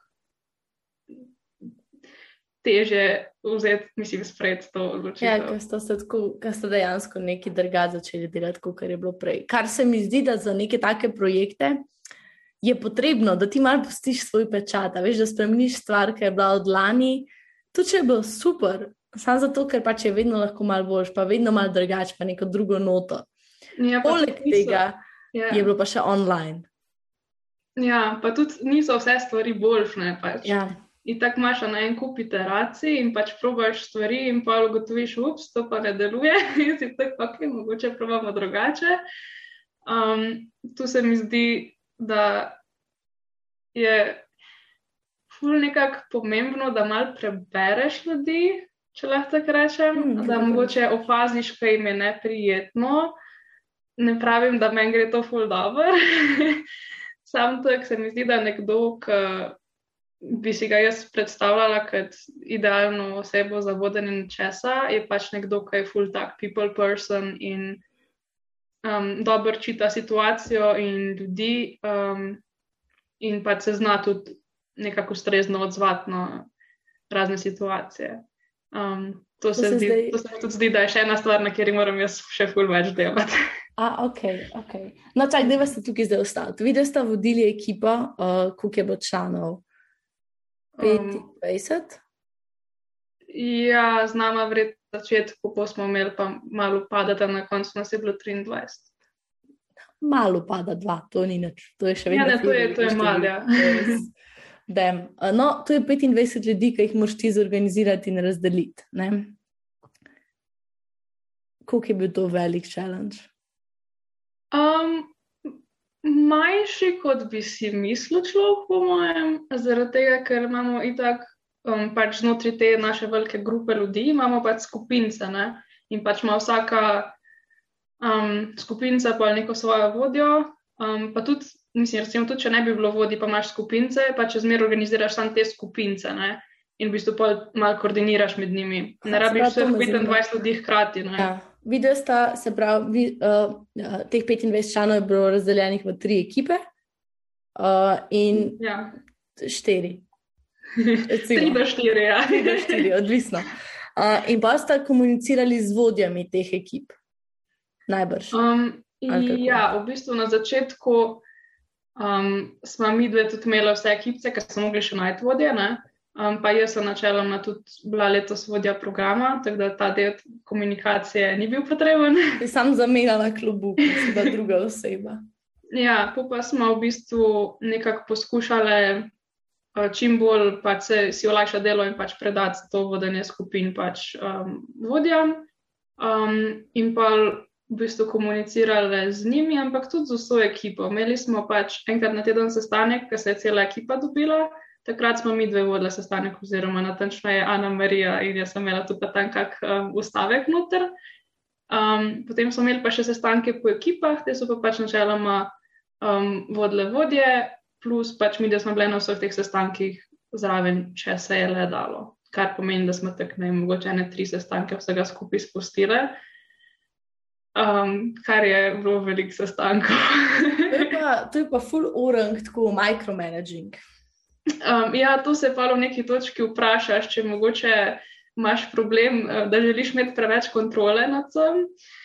Um, ampak se mi zdi, da po eni strani ja, ampak po drugi strani pa tudi smo imeli dovolj zaupanja, da pač bi lahko sam pustile um, ekipce same. Je pa fora, da pač, če naj ni bilo zraven, smo se mogli pa posebej dobiti, da nam je ta oseba še pač vse nama povedala in pač je bilo lažje sam biti zraven. Štekam, ja. Da, ja. Ja, pa še vedno pa malo tega kontrol frika, ki hočeš biti zraven, da sam preveriš, če bo vse narejeno. Ja, ampak to se mi zdi, da mm, je zelo odvisno od tega, koliko zaupaš svoji ekipi, pač nivo tega. Ok, pač ni tako je neki čist karakterna lastnost, jaz definitivno um, sem nekdo, ki želi imeti um, nekaj kontrole nad stvarmi. Um, ampak, tako ne vem, se mi pa tudi zdi, da pač bolj, ko smo šli proti koncu projekta, več pač imaš zaupanja v svojo ekipo, pač na začetku, ok, tako se pač vsi malo lovimo, ne pa kaj tako ve, vsak, kaj mora početi. Pa ni pa več, da bom jaz Mhm. za vsakega čekirala, kaj kdo počne, ker pač ne moš. Ja, ja in moraš zaupati, in moraš spustiti. Tako Pa ga- tudi, tudi so zelo, um, mislim, jaz ne morem ti povedati, koliko vesela sem bila, da smo tako dobro ekipo dobili, pa lahko se še toliko čizi čuje, ampak um, to je bila ena stvar, ki je bilo mene full strah, da, bom pač, da bomo dobili ekipo take mm, nezanesljive ljudi, ki ne bojo nič delali in posebej drugi vedno počutili, ker nekdo v ekipi nič ne dela. Um, to se je prej dogajalo, ker si bila ti prej že pri projektu. Mm, Mogoče, ja, sem ne v tako veliki meri, sem Mm. pač, veš, to je nasplošno pač to timsko delo. Ne? Pač, Ja. Jaz sem zmer bila una, ki je delala in so bili drugi, Mhm. ki niso, ne? in pač mi šlo na živce. Imaš slabe izkušnje s tem. Um, ja, dajmo tako reči. No. Um, me je to ful skrbelo in pač smo dobili pač tako zlato ekipo in tudi so pač bili zelo zaupanja vredni, tako da pač je tudi to ful olajšalo, olajšalo in pač mi dve za Marijo nismo rabile pač vse čas sam bdeti nad vsem. Mhm. Um, mislim, vse smo bile ful aktivne, ampak tako nismo. Um, mislim, da mu je bilo ful, ful lažje, no. pa tudi pač so se stvari določene pač same zrihtale, brez da smo bile karkoli rabile narediti. Kaj pa je bilo to ključnega pri izbiranju ekipe? Pa ste naredili najbrž, vi ste, eh, ste imeli intervjuje ne, za noter. Ja, Prav sta dober, prvi korak eh, vajne službe ste ga dobro upravili. ja, smo se spremenili v kadrovsko. Ja. Um, ne, to je bila ful dobra odločitev, da smo dali um, te intervjuje. Um, A tega prej ni bilo? Ne, vsaj tukaj, ki so te dve leti, ki sem jaz bila, ni bilo, ampak je tudi, um, tudi odvisno pač spet, koliko se ljudi vsako leto prijavi. ne. Um, pač eno je pač, če dobiš prijavnico. In na tej prijavnici so sicer taka vprašanja, da se moraš malo potruditi z odgovori, pa se malo pisati, um, ampak. Mm, Vseeno je pač, tak, recimo jaz, ne, jaz lahko sem ful lepa na papirju, ampak v praksi pa pa vprašanje, ne, kaj dobiš. Ne, in, um, to, je en, to je bil en vidik. Drugi vidik je bil to, da smo mi da tudi ful hotele pač ljudi že mal naprej spoznati um, iz vidika, da je nama lažje, pa tudi, da je njim lažje, ko pridejo na prvi sestanek, da ni samo ono pač. O, oh, fakt, tukaj je 20 strangerjev in zdaj mi nekaj razlagajo, in jaz moram tukaj to nekaj kimati in to. um, in ja, in so pa v bistvu bili ti uh, intervjuji. Um, intervjuje smo pač naredili z vsemi, ki so se, oziroma meni se zdi, da z vsemi, skoraj z vsemi, ki so se prijavili. Um, imeli smo enih par prijav, ki smo pač vedeli, da ne bo šlo skozi. Um, ampak tiste, ki pa smo, smo pač imeli intervjuje. Um, in tako so že prej napisali tudi malo, kje ekipci bi bili.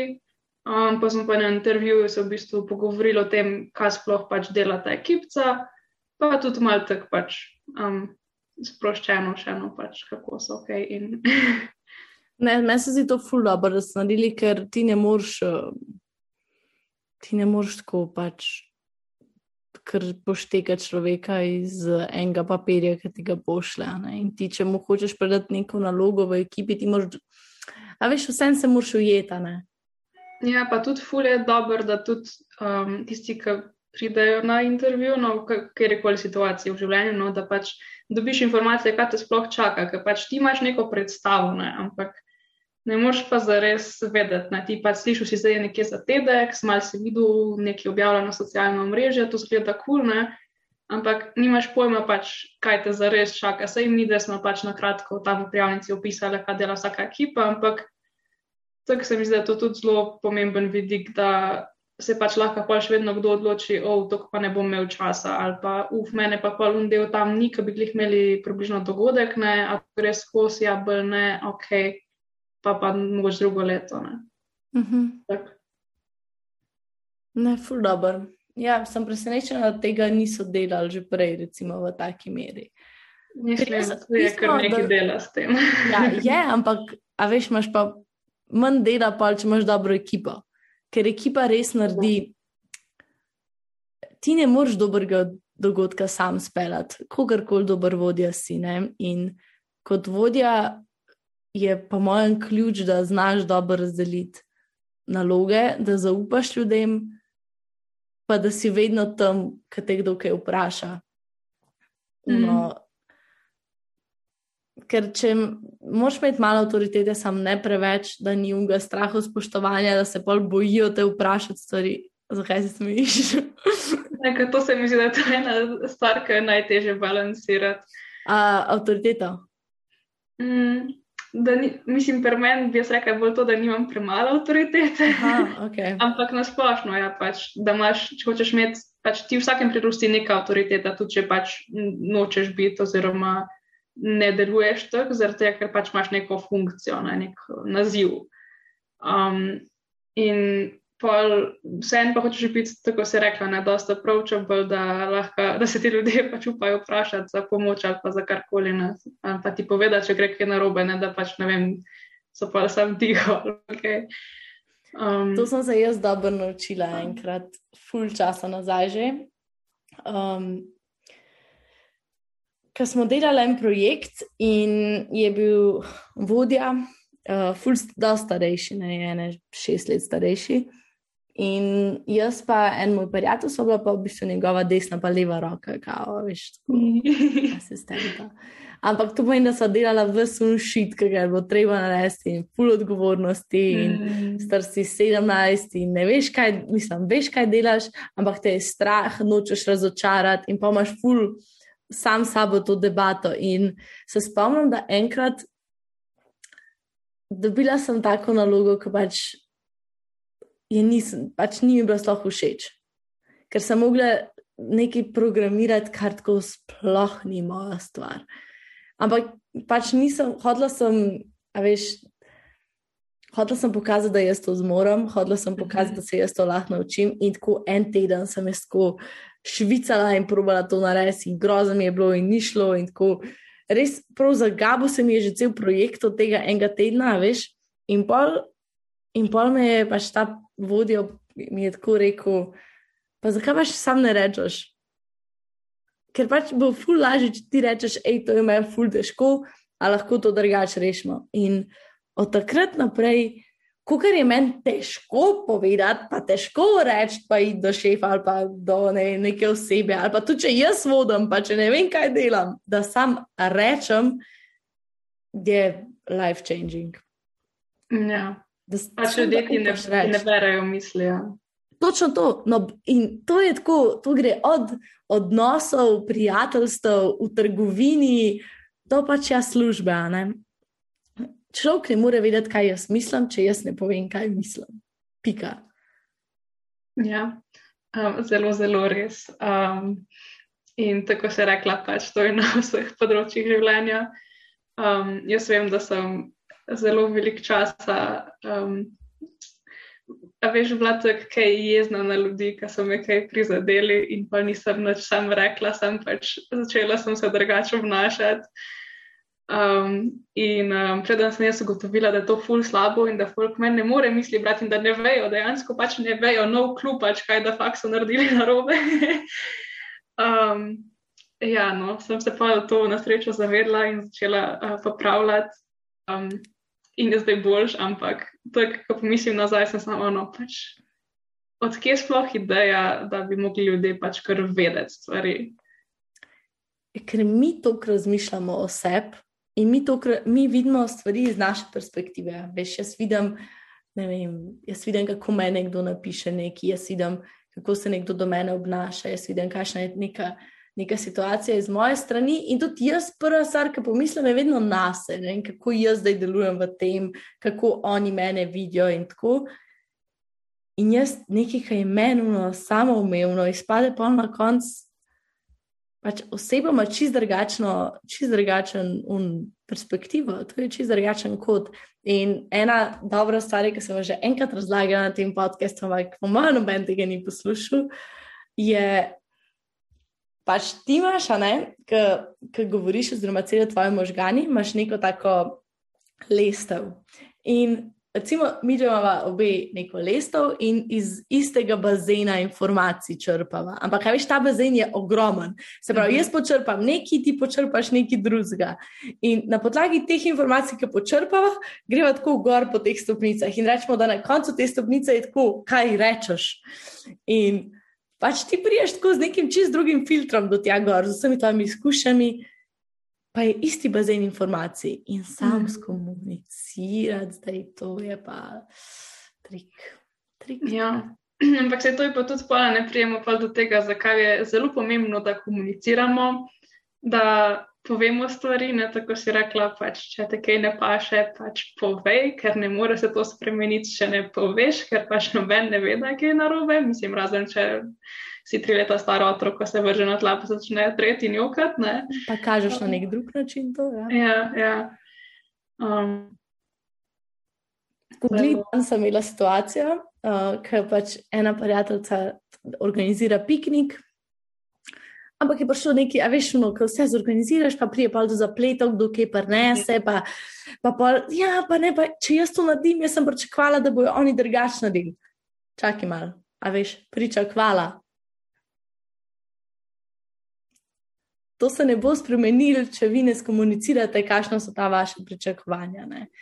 In na koncu gotoviš, da je vse samo v teh pričakovanjih, pa pa komunikaciji tega, kar ti pričakuješ. In včasih te jezi, da moraš pač toliko jasne stvari povedati, ki bi ti radi, da ljudje krvejo, ampak ti sam sebi neko tako neprijetno situacijo lahko ustvariš s tem, da svoje pričakovanja ne komuniciraš dovolj dobro. Mm. Da jaz zadnje čase moram res prav potrkati, ker se ful trudim, jaz kar povem, In pol je lahko neprijetno, in ti je neprijetno, in ti je grozno, tako teh stvari, stvari kdaj povedati. Uh, recimo, jaz sem, jaz sem čutila zadnje tri tedne, da mal pregorevam, da pač, da, da tako ne bo šlo več dolg. To, da, pa ne niti to, da, da bi jaz zdaj to zmatrala, da ne bi spala, veš, ampak čutila sem, da moji možgani nimajo več idej niso več mhm. kreativni, niso videli več rešitev, ampak so sam probleme videli in tako uno, zdaj moramo to rešiti. In polk, ki se, ne, fakt sem jih zaključila, in polk se ena stvar popusti. In ki ti končno tako malo zadihaš, ampak imaš tam še poje druge odgovornosti, ki te napada po levi. In sam, ki jaz sam nisem več mogla. In In sem se matrala še en teden, in pa sem sam tako le. Če jaz zdaj ne povem mojemu šefu, oziroma nekomu, da pač jaz ne morem več, pač mi bo sam počel in, in ne vem, kaj bo bolj. In pa sem zbrala pogum in sem povedala.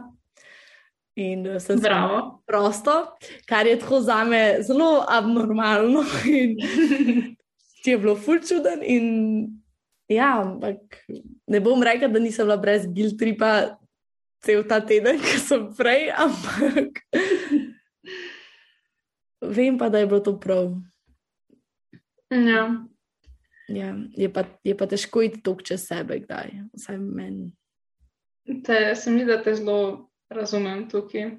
Um, jaz sem si tudi v bistvu vzela pauzo od službe, takrat, ko je bil um, malo preden je bil TEDx na vrhuncu z stvarmi in obveznostmi, um, pa hkrati pač. Vse en takrat nisem bila full produktivna za faks, ampak pač imela sem samo v glavi, pač TEDx, jaz moram še faks, jaz moram še diplomo narediti, unispit in pač sem samo ono, oh, shit, pač to ne gre skozi, ni šans, če sem jaz pač v službi. To je pa še to, ne, jaz se pač mal malo imam ta um, problem sama sabo, da pač sama sebi dajem nek um, feeling dolžnosti do drugih. Um, in pač noben ne pričakuje od mene, da bom delala 8 ur na dan, zato ker sem pač študentka na fleksibilnem delovniku, delam, kot naredim ur, toliko sem plačana. Um, ampak jaz pač vsem do sebe naredim, joj, fakt, sam ne moreš sam toliko ur narediti v tem mestu, to je ful premalo, ne moreš več. In sem bila samo, no, fakt, to ne gre več. In pa sem ful dolgo zbirala pogum, da sem um, kontaktirala um, isto pač um, moje nadrejene in pač povedala in sem se zjokala zraven, ko sem se, moglo, ko sem se upravičvala in sem tako vse v redu in sem tako, ja, sam meni je ful žal. Točno vem, Ej, isto, isto, isto. In pa pač jaz točno vem, da to počnem sam zato, ker ker jaz sebi neka nerealna pričakovanja in neka nerealna odgovornost, in pa še malo tega people pleasinga, ki pač pride zraven. In pa bi se kdaj kar butala z neko polno in bila tako, da je come on zala, a veš, pač, it's not worth it, tako. In pa si sam rečem, ti, lej, noben ni tako special, ker misli, da je special. Pa niti hočem reči, da mislim, da sem special, sem v, v tem slogu hočem reči, da pač nisi tako pomembna, da ne moreš imeti break. Tako. Exactly. Pač, prvo kot prvo je tako vsak zamenljiv, ampak drugo kot drugo pač. Kaj pa predtem si ti prišla v firmo, vse je glih tako pač laufala oziroma v kjer koli. Pa tudi tako, noben ne bo o tebi mislil, da, da, da si slabša, da, da tako, ojoj, ajda pa zdaj ne bo en teden v službi, ker ima sam še deset drugih stvari v življenju za delati. Ja, In pa še- da ti pa v svoji glavi ne narediš to, pač ne pozabiš na onih deset drugih stvari. Ne? Mislim, tako, no, sam joj, fakt, zakaj jaz to zdaj moram se odreči tej stvari, oziroma si vzeti pauzo in to skomunicirati. Ne, to skomunicirati. Najtežji del. Sam, sam, uno, si vzeti pauzo, ok, to skomunicirati. Not ok. Mhm. Tak ja, to je tako. Pa, ne vem, pa te guild stripi, ki jih pa imaš. No. Ej, to je pa ena stvar, ki pa jaz, um, ful, nimam več tako velik problemov s tem. Daj mi na svet. Um, in sicer enkrat sem brala eno knjigo. Ponavadi se mi te stvari iz knjig ne, pri, ne primejo, pridejo pa enem šesto noter, pa drugem ven, vmes so zanimive in to je to. Ne? Um, ampak bila ena zadeva pač. Um, Mislim, da so bili kao neki zmaji v našem življenju in vsak je bil neka ta sta, slaba stvar, oziroma neko čustvo negativno, ki ga um, pretirano uporabljamo. Ena je bila pač tudi krivda. Ne? In zdaj krivda je ful dobra zadeva, ker če krivda ne bi bilo, mi nikoli ne bi vedeli, da smo kaj narobe naredili. ne. Um, in pač v danem momentu je absolutno prav, da ti začutiš krivdo, ko pač se nekaj dogaja. Mislim, ali zato, ker si nekaj narobe naredil, ali zato, ker ti je ta stvar pomembna, kakorkoli. Ampak vse naprej od tega je pa sam pač nekako kaznovanje samega sebe. Um, s to krivdo, ne, če si ti pač še naprej počutiš krivega, sam v bistvu sam sebi zadajaš bolečino, ampak krivda je pač v istem momentu, ko si jo začutil in naredila svoje, in pol je pač ne rabiš več. In to je sicer itak vedno um, lažje reči, kot kar narediti, ne, ampak to je takrat meni ful spremenilo mindset. In sem ful začela se vsakeč, ko sem se pač krivo počutila, sem se spomnila na to, tak, aha, um, zdaj se počutim krivo. Kaj se še zmeraj počutim krivo? To se je zgodilo včeraj. Um, in um, ja, mi je, se mi zdi, da mi je ratalo, da jim reči um, tako malo optimistično, da mi je že ratalo to nekako um, narediti, da se pa pač ne počutim več um, krivo no, za neka daljša obdobja, no, ampak res pač čim, čim manj časa in pač ali pa se počutim krivo, ne vem, mogoče en dan in pa, ko si končno vzamem čas za razmislek, sem tako, no, ok, to se je zgodilo, ok, ja, lahko kaj naredim, da po to popravim, ok, super, lahko, gremo naprej, ne morem, ja, je pigana. Ja, ok. Ja, ful dobra, ful dobra. Kje knjiga pa je to? Um, ena, ki bi drugač ful ni toliko všeč. Ampak Uh, mislim, a je mogoče, kaj že v naslov? Uh, Mark Manson, se mi zdi, da je avtor. Uh, ne vem, kdo je avtor. Ampak meni se zdi, uh, naslov je Meta človek. se mi zdi, A da- ne, pa pa nisem istega mislila. Skoraj zdi. mislila na Zero Fucks Vse pa da to iz te knjige, ampak to knjigo vem, da sem takrat brala, pa ima tak velik lekcij noter, ampak stil, v katerem je napisana, mi pa ni preveč všeč. A je tako zelo poljuden. Mm, ne vem, um, ni A to tako pričer, tako da ti nekaj klej govori.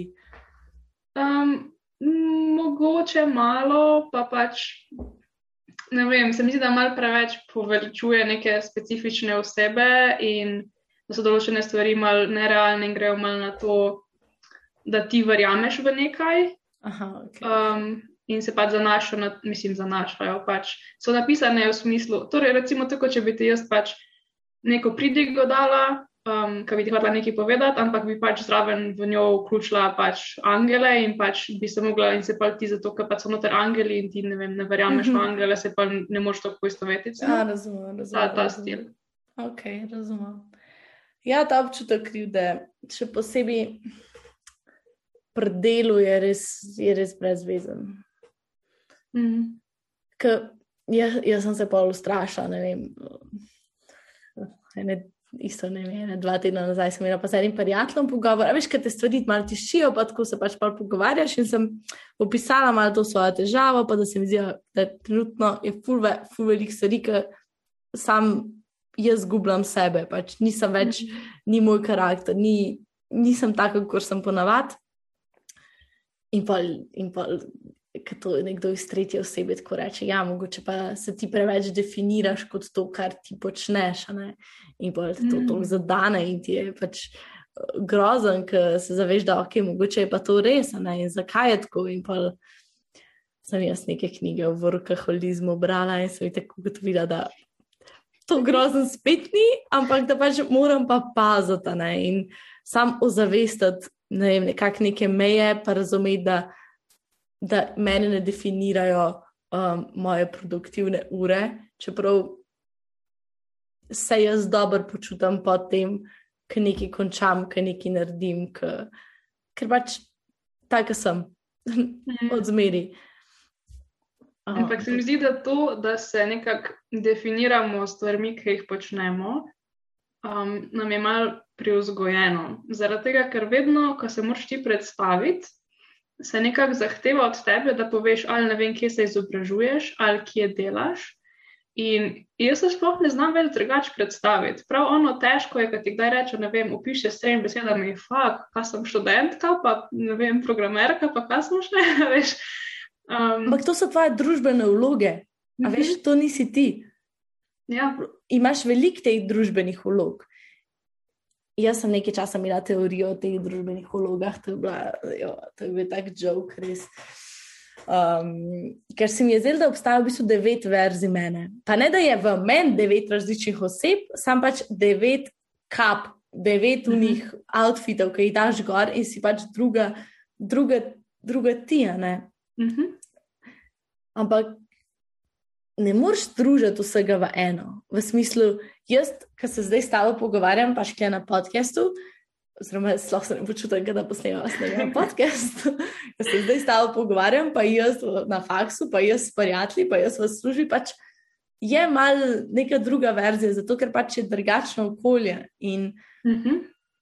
to In moraš drugačni nekako ne? združiti. Mi pa, mi pa damo toliko tok pozornosti samo na to, kdo ti si, v smislu, kaj delaš. In pa po mojem, kasneje v življenju še prije, koliko zaslužiš.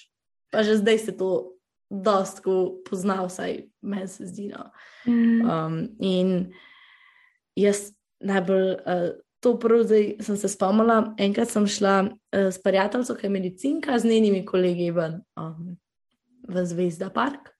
In takrat sem jaz lih zamenjala fakcije spravne na ekonomsko. Mhm. In me je ena vprašala, ja, iz kje si pa ti, in jaz, ja, pač iz Ljubljana, ne, uh, z Nino so bili na gimnaziji, skupaj gor dol. In me tako pogleda, in tako, ne, ne, ne, ne, kaj študiraš?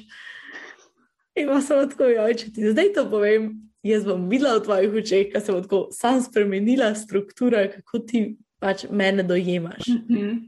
In pač sem pa tako, ok, ja, ekonomija študiram, da tako, a, a, ok.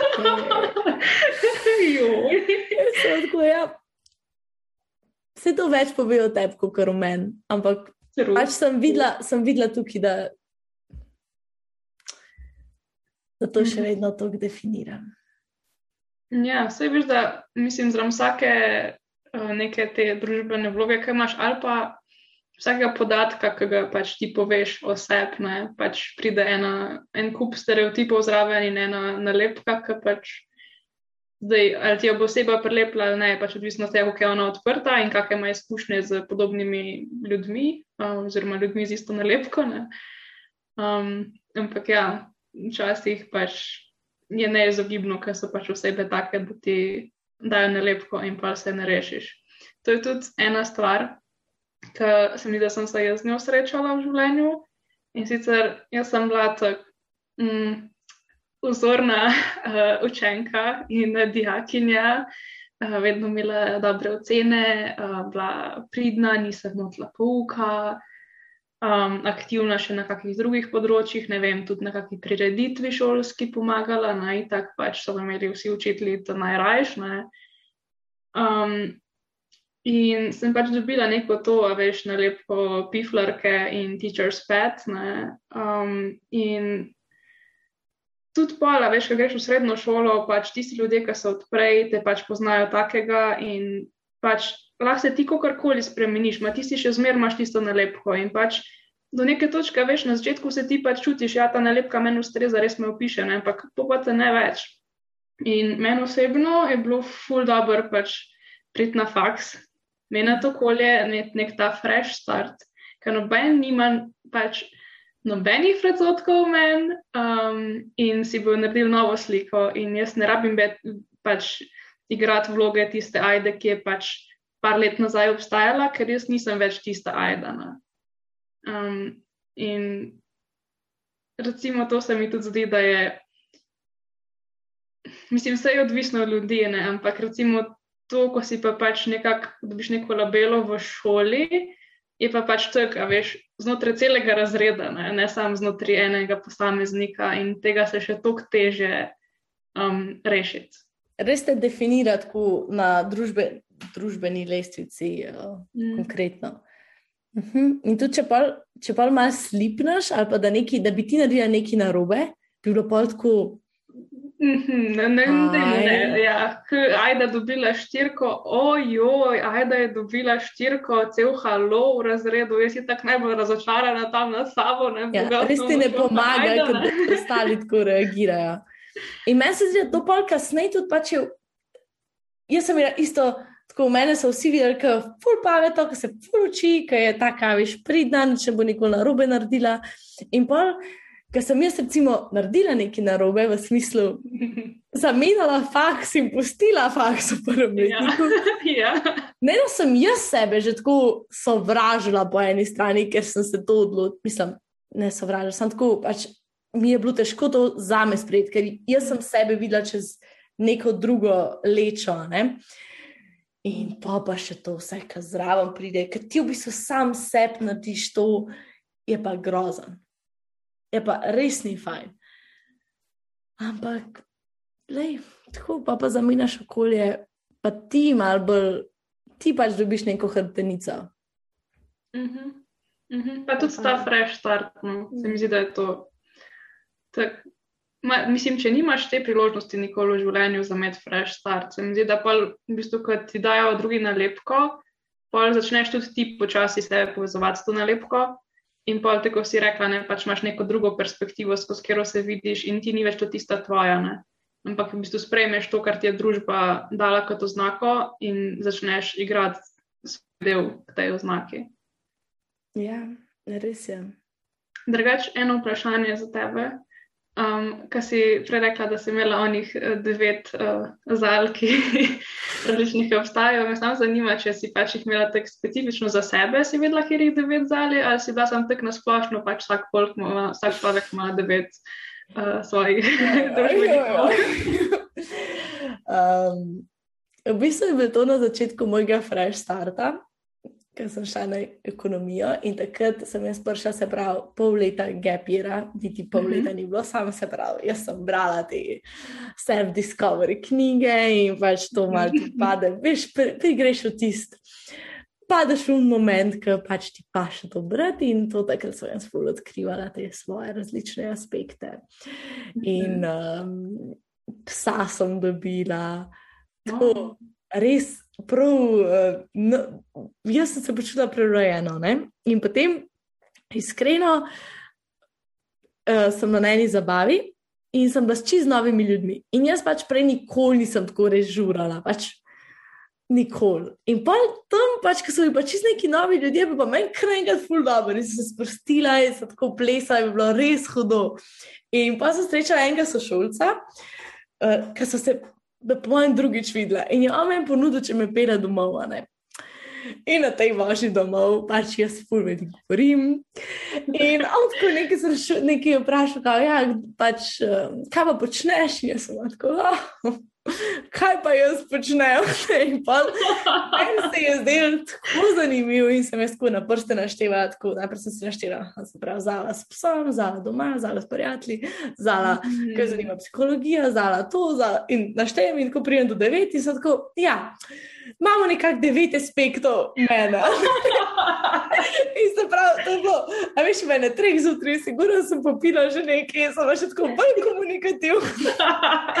In jaz se prav spomnim, da je tam moj kolega, tako, zdaj je tako dober kolega, ki je ustavil avto in sem tako.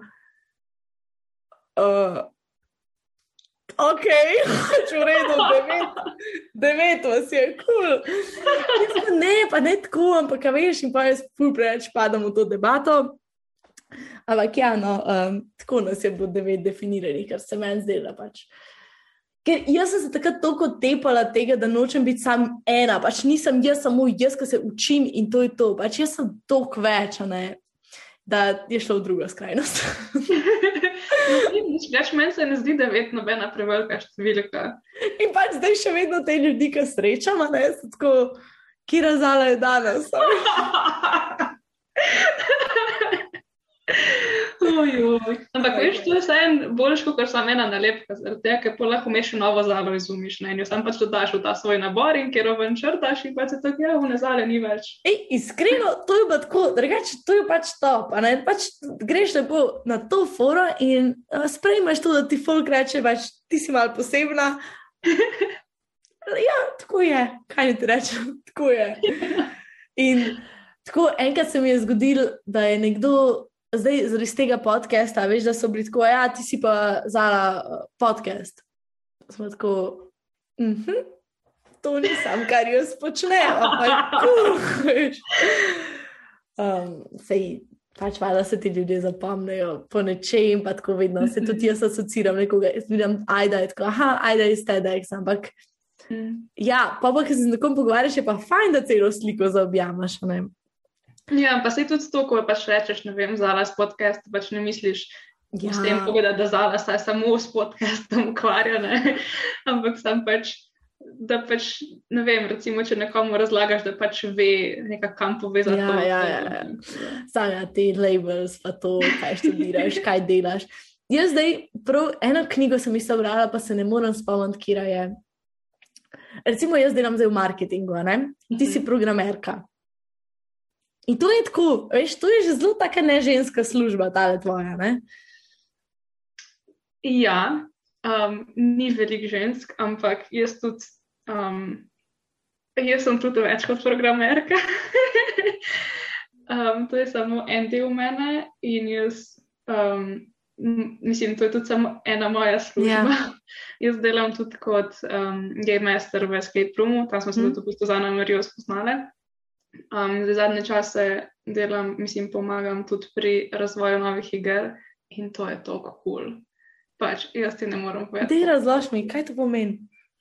Um, recimo, en primer je bil, pač zdaj v bistvu, jaz sem delala samo na dveh projektih, pa to ni bilo zdaj neki full dela.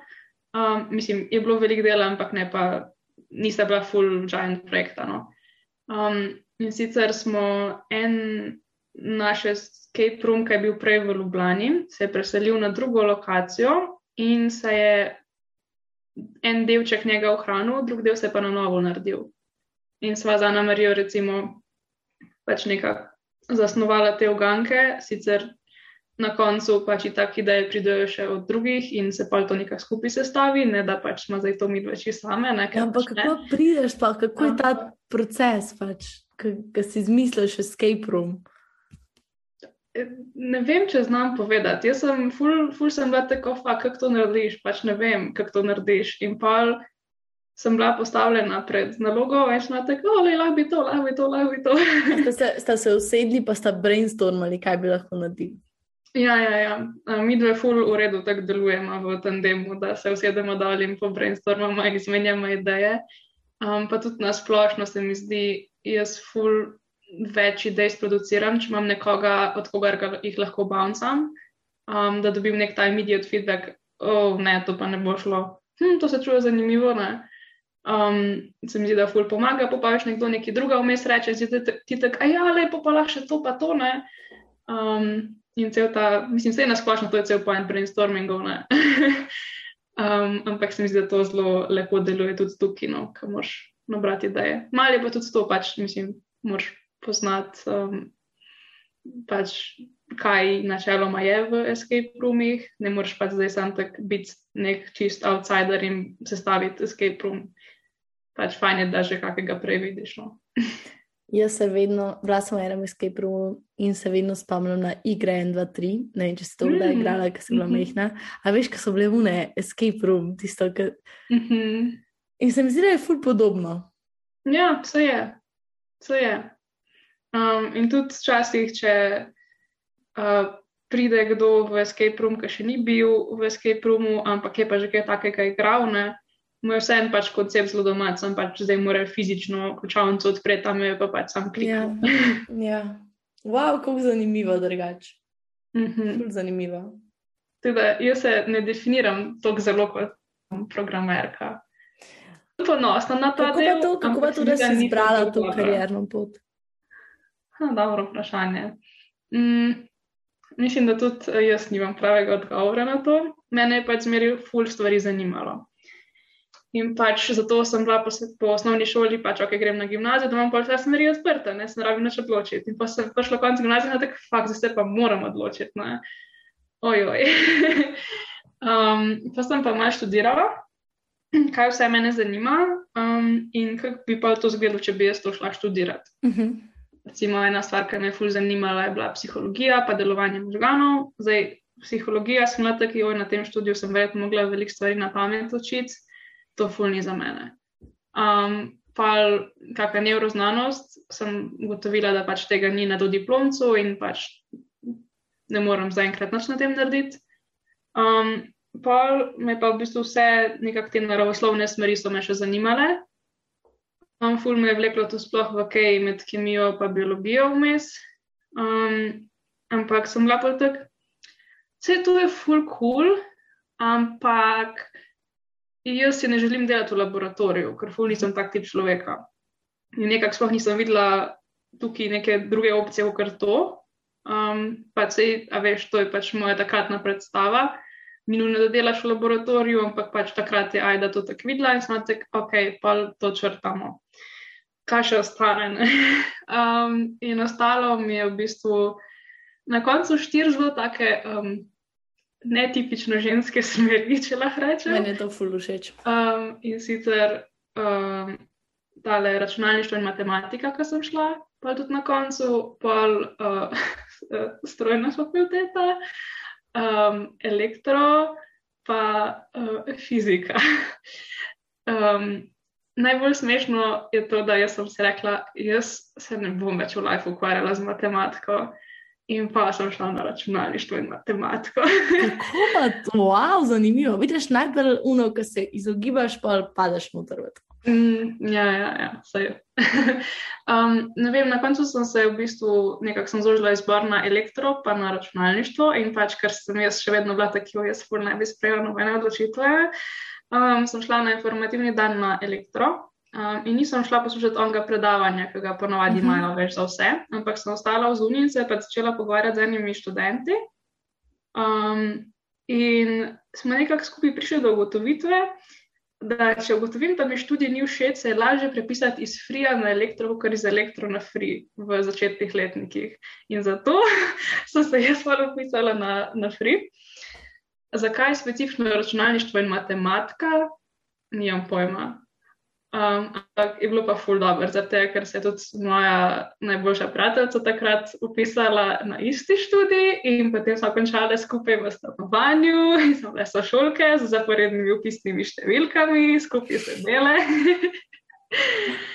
um, tako da ja, je bilo pa tudi ful lažje nekako, um, po mojem, za mene študirati, ker sem pač imela skozi nekoga, ki ima iste predmete, iste obveznosti nam skozi neka ta spodbuda. Pomaga to deliti, ne? Ja, ful. ful. To sem zadnje čase ugotovila, zdaj, ko se za ta izpit učim. Um, sem v bistvu en kolega mi je omenil, uh, eno spletno stran. Um, Meni se, joj, da se ne bom spomnila, kako se Okay. um, imenuje, ampak basically imaš study buddy, uh, ki se zmeniš z njim. Um, to je pač nek stranger, ti se zmeniš pač, um, aha, imenuje se Focus Mate, sem pogledala. Okay.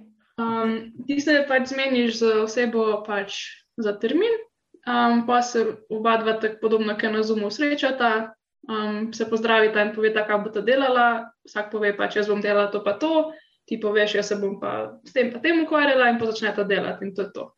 In imaš pač ta accountability, ker si si zmenil za termin. Um, in imaš to, da si na kamerci in pač se ne moreš sam tako nehati delati, plus vidiš ono drugo osebo, ki tudi dela in pač je neka ta dodatna spodbuda. V bistvu je ful podobno, kot če greš se pač ne vem, učiti v CTK ali pa neki ali pa vnuk, um, sam da pač zdaj za te korona čase. Um, in pa v bistvu sem um, začela delati si study sessione in pa sem si na study sessione um, dodala kolege, ki so pa takrat bili z mano um, v kolu in smo skupaj delali. Tako da, ja. Dober. To se za mene osebno ful obnese, in tako pač vsak ima svoje načine, ampak tak, um, zna pomagati, mogoče je vredno probati, če se kdo zdaj um, kaj pripravlja. A ste mogoče še kaj razmišljali o teh zadnjih parih tednih, potem, ko smo pač posneli te ena na ena epizode? Nismo se še imeli časa sploh pogovoriti. Kaj, da jaz sploh ne vem, kaj ste se vi dva pogovarjali. Okay, okay. ja, ja. Lahko, lahko se zdaj povesta. Zdaj. Kar Ja. se spomnite, kar se spomnite. To je tudi tako zanimiv uvod. ne, kaj- Tudi mene zanima, kaj je, recimo, Ja, kaj ste si vi pač zapomnili? Ja. To je res. Mislim, meni je bilo najbolj zabavno to, da sem Nejcu povedala, ne, kako, kako smo se povezali. Pač. da smo prišla do tega, kako a ne, v bistvu sem jaz te rekla, da je, ko Nejca poznaš, da je rečemo, a ne, za ta podcast. Mi da se to pogovarja. In hkrati je pa, hkrati je pa Matija v bistvu njemu rekel, da je oni iščejo en podcast, da je ti rečeš, Ja, je torej. Ja. In pol je on to te predlagal, ker je njemu Matija to predlagal. Eh, tako da zanimiv krogec. Ampak smo prišli na koncu naredili, ja. ja. to je to, Ja. to je pomembno. Me Zanima, kaj, kjer zgodbo. Ja, jaz nisem vedela tega dela z, z, z Matijem, da bi on ta striček iz ozadja. Jaz sem sam Ja. pač, um, pač povedala, da v bistvu uh, jaz sem tebe poznala, ne, Ana Marija je poznala Zalo. Um, vedela smo, da imate podcast in se nam je zdelo za Ana Marijo to ful, tako ne, to bi pa lahko nas povezali. Um, pa tudi mi dva smo govorila in pa. Um, Pa smo tako nekako malo samo omenjali, in noben ni nič konkretno predlagal, in pa je Ana Marija mene, mene da ajde, da je reče. In jaz sem samo odlašala, ker mi je bilo res težko prositi za to uslugo, ker sem se pač res čutila, da, da res pač mama delata, mislim, nam delata ful, ful veliko uslugo. In pa ker nisem in nisem in pomeni, da je to rešil, kaj je napisal, sem bila tako, haha, zamenjeno. Ker se to sliši, da je lahko manifestacija. Še dobro, da smo pač take zabudre, da so vse povedali na sestanku, preden smo bili kaj zmedeni. Ja. Hvala, Matija. sodelovali z enim podcastom, uh, tako da. Ja, se smo rekli, mogoče, ne, To je nismo bilo rekli, da mislim, nismo, konceptualno, še malo nismo opegubile nočkar. Ne, ne, ampak. Ja. Ja, Matija je tukaj. Um, Hvala. Hvala, Marija. Matija mi je napisal zadnjič, da ko mi čaka, da prije naša epizoda. Tega ne smemo razočarati. kaj pa te? Kaj se ti najbolj zapomnilo nekaj iz vajnega pogovora? Um, Ajde. najbolj um, mi je bilo všeč da, da se je tudi zala vmes malo razgovorila. Tega, ker vedno v podcastih, ne, ne vem, a to sami izrežete ven ali pa sam vidva res ta striktno tako vodita. Um, ampak to je bil tak zelo tak um, dosežek. Je veselilo. Vidim, da imeli ful tak pogovor. Pa ful dinamičen, takrat iz nekih tem smo skakali in pa na koncu se kar vse nekako zaokrožilo skupaj nazaj. Ja, So skozi prihajali te Ja. komunikacije. Komunikacije, ja. ja. Tam password, ne. Ampak je res Ampak je res pomembno. Ja, ja, ja. Mi pa smo se tudi v eni zelo pomembni stvari pogovarjali in sicer, um, zakaj smo pri tedek so sami prostovoljci, a ne? zakaj ni denar vključen. Ta tema mi je bila tudi ful pri srcu. tako. Uh, sem pa obdelala tako vse stvari, ki so se mi zdele tako pomembne za poudariti. nekako. Um, ja, no, to, me, to me zanima, kaj ti misliš, evo, zakaj ni denar vključen, zakaj je TEDx mora biti prostovoljen? Hmm. Zakaj prav mora?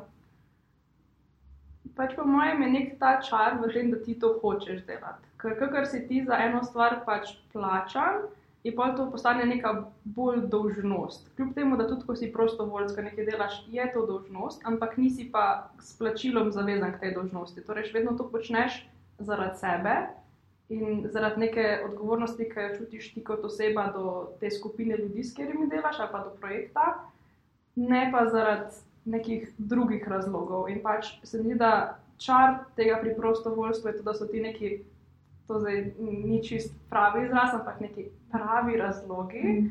Um, Glih to, da v bistvu si ti tam zaradi sebe, zaradi ljudi, ki so tam, zaradi projekta in srcem. In pa s tem tudi, po mojem, veliko boljše stvari daš od sebe, no? ker nisi tam sam zato, da nekaj ure praviš, ampak da dejansko pripomoreš temu, da je zadeva boljša. Tako da, po mojem, je to, zakaj, oni, zakaj prav te tudi zahtevano, da so pač prostovoljci a, v organizacijah.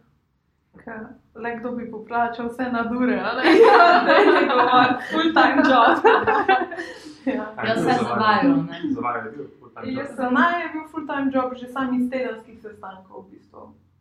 Sestanek s celotno ekipo, s PR-jem, s kreativo, multimedijo, pa še s programom. Pa Tako še da- pač te sestanke nekako pripraviti, uskladiti, da se pač na vseh povejo pomembne stvari, po sestankih. Um, Pa še um, pripravljati igrice za nas Ja. sestanke. ja, ja. Um, tako da ja, se je kar nabralo. Um, To je zelo altru, mislim, altruistično. No, je. Je altruistično. ampak In- je full fulfilling. Ja. Ampak se mi zdi, da je to tudi večino teh prostovoljskih zadev. Ne. Isto imaš, ne vem, pa kakšne tabornike. Sicer mogoče to malo drugačen način, um, ker pri tabornikih v bistvu ti nekako odraščaš in dobivaš od drugih ljudi in pa nekako zrasteš temi vrednotami in pa želiš to naprej predati. Um, Medtem ko tukaj pri TEDxu se mi zdi, da je bolj to neko navdušenje nad idejo, konceptom, nad tem širjenjem idej, da pač res imaš to neko odprto miselnost um, in s tem pa. Mislim, da je to tako velika vrednota. Ja, in pa Nekako, hkrati, da- da daš lokalni skupnosti, Mhm, a ne, mhm. študentom nekaj več, a ne, da jim nudiš dostop do informacij, ker drugače ne bi oni prišli sami do njih. Mogoče, a ne.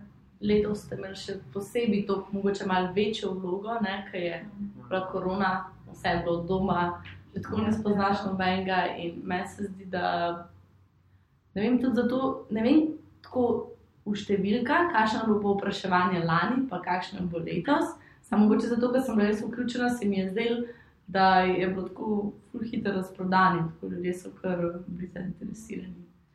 Ja, definitivno. No, veliko ljudi pisalo, da škoda, ker nimate več mest. Uh, Ja, to pač je um, Tam je tudi ajdo naše- razložila.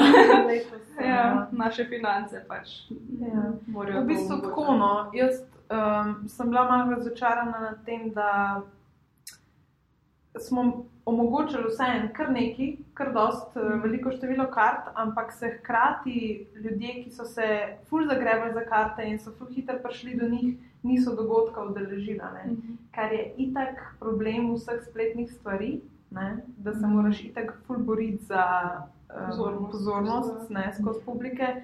Uh, hkrati so pa tam ljudje, ki čakajo na karto in so si vzeli mogoče prej večer, takrat in tako.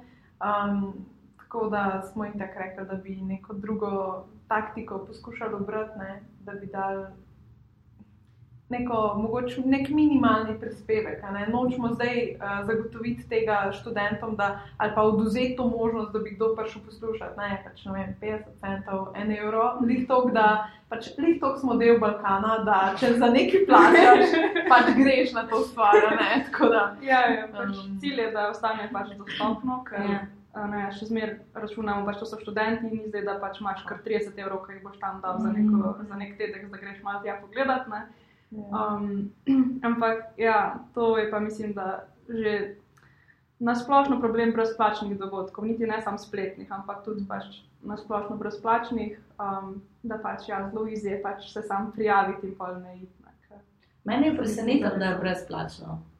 Res, Ja. jaz sem mislila, da vi, recimo, da ne vem, imate 3 evre, 2 evra vstop in da mogoče s tem pol ne vem, pokrijete. Ali pa date v nek budžet za naslednje leto. To je mene malo presenetilo, ampak ja, zanimivo. To ja, v bistvu tako. No. Prejšnje generacije so se zelo trudile, da bi bilo za ston, vedno, vsako leto. In tudi na sponzorje smo se obračali s to prošnjo, da želimo dogodek narediti dosegljiv vsem študentom, da bo brezplačen. a ne. Um, in tudi zaradi tega smo hoteli nadaljevati to poslanstvo. Um, je pa potem se pol pojavil ta problem spletnih dogodkov, ki ne, je še malo težji kot v živo. Ne. Tako se mi zdi, da vseeno, če si v živo karto rezerviraš in prideš na neko drugo mesto, se usedeš tam imaš. Uh, plac ne, in si tisto uro tam, doma je pa toliko enih distrakcij, se jaz že sama vidim, recimo za faks, ne poslušaš neko predavanje, zraven vidiš, ok, na koledarčku še neki, oj, za jutri je treba to narediti. In ti takoj misli odplavajo. Ne? Če se pa fizično predstaviš na neko drugo mesto, ok, to uro imam namenjeno temu in temu, je pa to čist drugačen mindset. tako, Ja, pa tudi dejansko si več dela mogo narediti, da si prišel do lokacije in vse medtem, ko pa klepe Ja. sam pač na link klikneš. Ne, Ja, ja, ja. To je tudi tako. Ampak ja, brezplačni online dogodki so pač taki. Ja, ja. Uh, no, se pravi, ena stvar, ki smo se z Ano Marijo nekako pogovarjala, uh, pa se je že malo dotaknila, je v bistvu vse zadeve, ki so šle na robe. Uh, in, in, in malo, malo so Ja. pač že načele to, ampak so se v bistvu zmenila, da bomo to nekako Kar počakali na to, pa smo skupaj. Mi ne nismo tega. Ne, To, ja. okence To je kar zelo fajn, da nismo. Ker mi je res rekel, da bomo tukaj. Aha. Tako da lahko kar odprete Pandorino skrinjico. Se te napake, meni se zdi to ful pomembno, da po projektu greš no, a veš, čez. Ko se že ta bolniška, imate vi tudi en izraz, zdaj se ga ne spomniti. Po mojem imamo en izraz. ta No, mi smo imeli en izraz, ampak se ga zdaj ne morem spomniti in gremo vedno čez projekt, čez vse, kar smo delali. Ampak Ena Postopni. refleksija. Ja, refleksija, ampak je te, Ja. Evaluacija. Ne vem. Ne, sem nek naborniški izraz. nek taborniški izraz, ne zakaj ja, se ja. bringa, zaradi to, sem Ne, ne, ne govoriti. Bom se probala spomniti, da do tega pogovora. Samo skočila noter, da je smešno. Um, ja, se mi zdi zelo pomembno, ker je potem jim boljš za naprej. Mhm. Uh, in tako drugi ljudje, ki bodo prišli, bodo In imeli. da malo se ti kamen srca odvali za nazaj. a ne? Pa ne vem, daš malo ven, daš iz sebe. ne. Ja, ja, ja. Ja, in v bistvu potem so tudi pač te zadeve, ki ste jih hudo naredili. Ampak ko niste pričakovali, da bojo šle tako dobro. Tega se lahko dotaknemo. In se mi je to tako ful zanimiva stvar, pa za poslušati um, za tisti par oziroma eno osebo, ki bo prevzela zdaj naslednjo nekako sezono. Mm, Um, Načeloma to naslednjo bomo mi dve še imele, torej zdaj še dva TEDx 2022. a, okej. Načeloma še v najnih rokah, ampak bomo pa. Cilj je, da pač v tem času nekoga uvedemo, da nisem pa vržen v to, kar smo bile mi dve, da je pač malo lažje in da pač potem ta oseba oziroma te osebe prevzamejo naprej vodenje. Odlično. Je pa ta podcast za to osebo. Ideja. Tebe imamo zdaj v mislih. Ja, to je pa on backlog, kamor greš pogledat, čakaj, kaj je že šlo vse narobe. Aha, aha.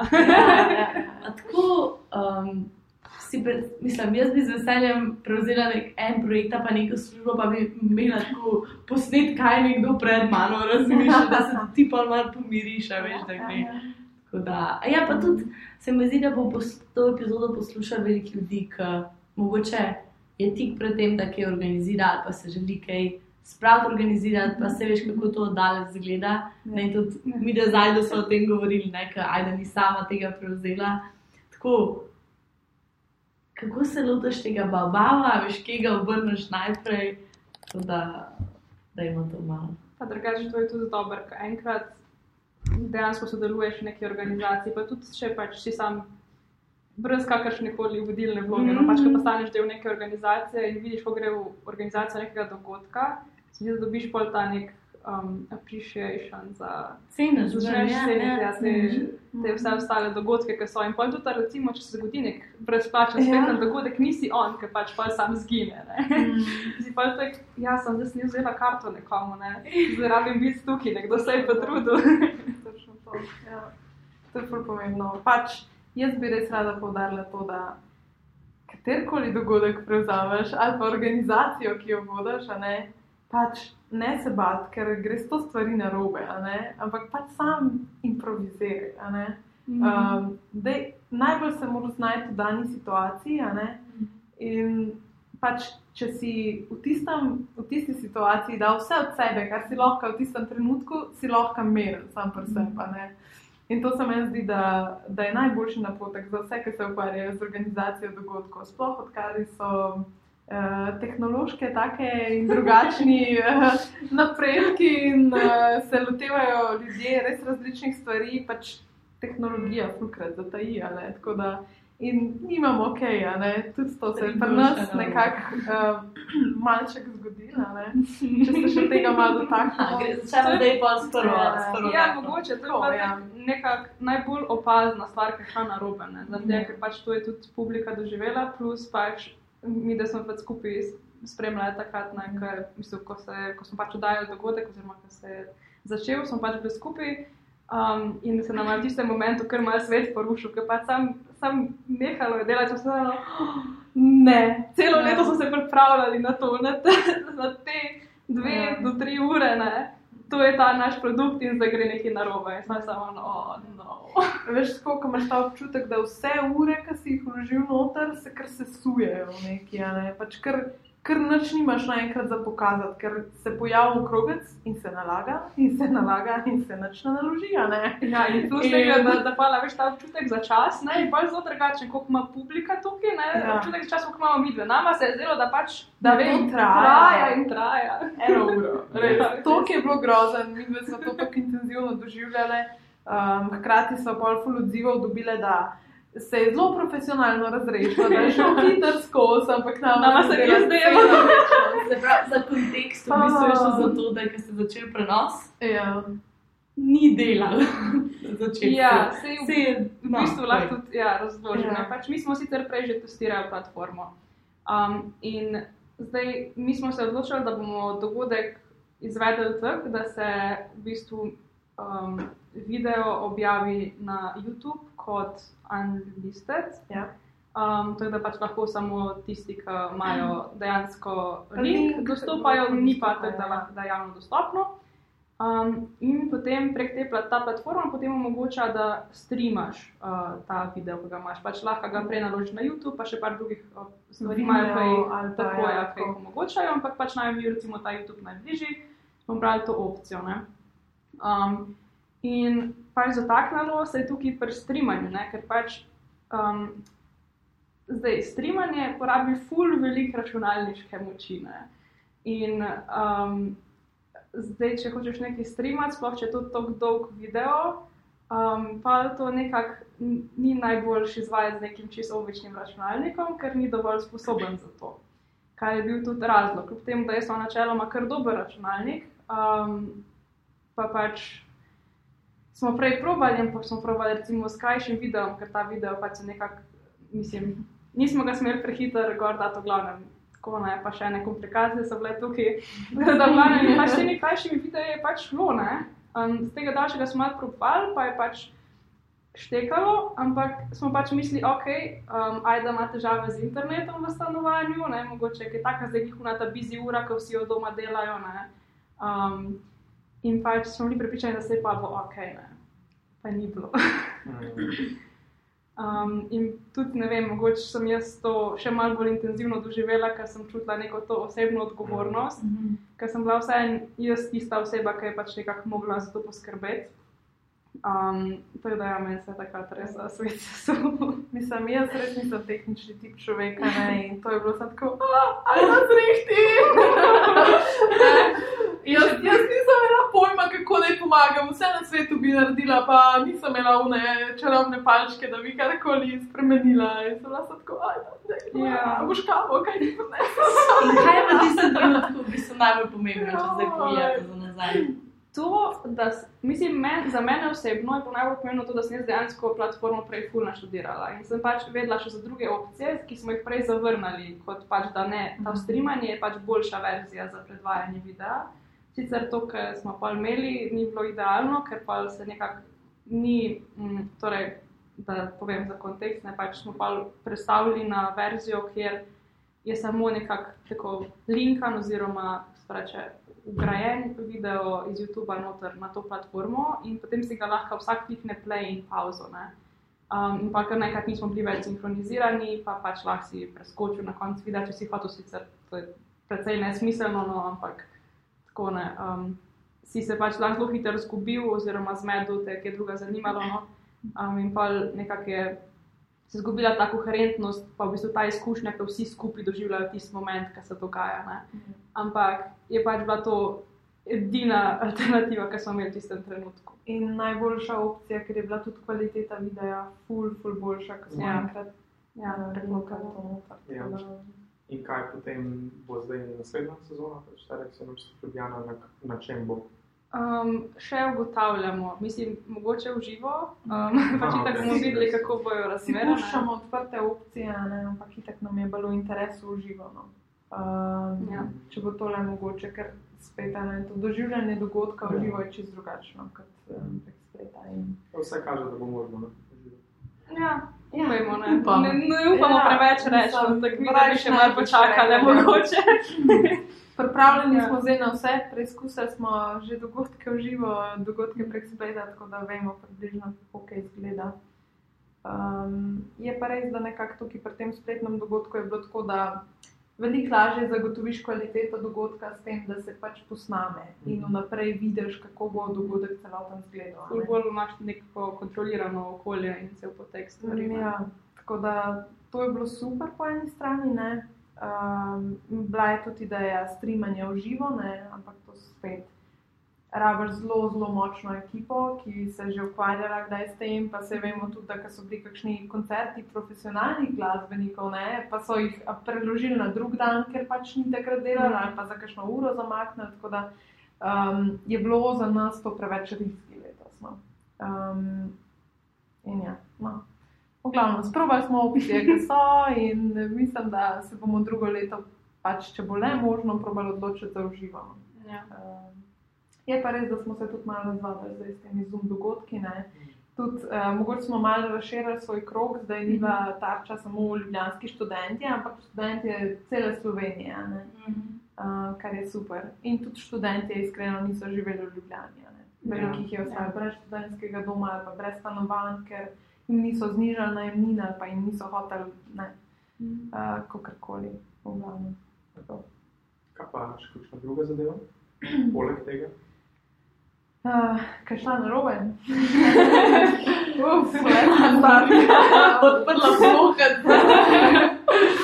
um, ne, mislim tako. No. Bila je velika, mogoče taka stvar, ki bi jo še izpostavila. To, uh, Loadanje posnetka ne, na YouTube, uh, že to je bilo kar izziv. Naši multimedici so se ful potrudili in so um, res montirali te posnetke kar nekaj časa, ne, da so bili perfektni, popravljali smo sekundice, šume v zvoku in podobno.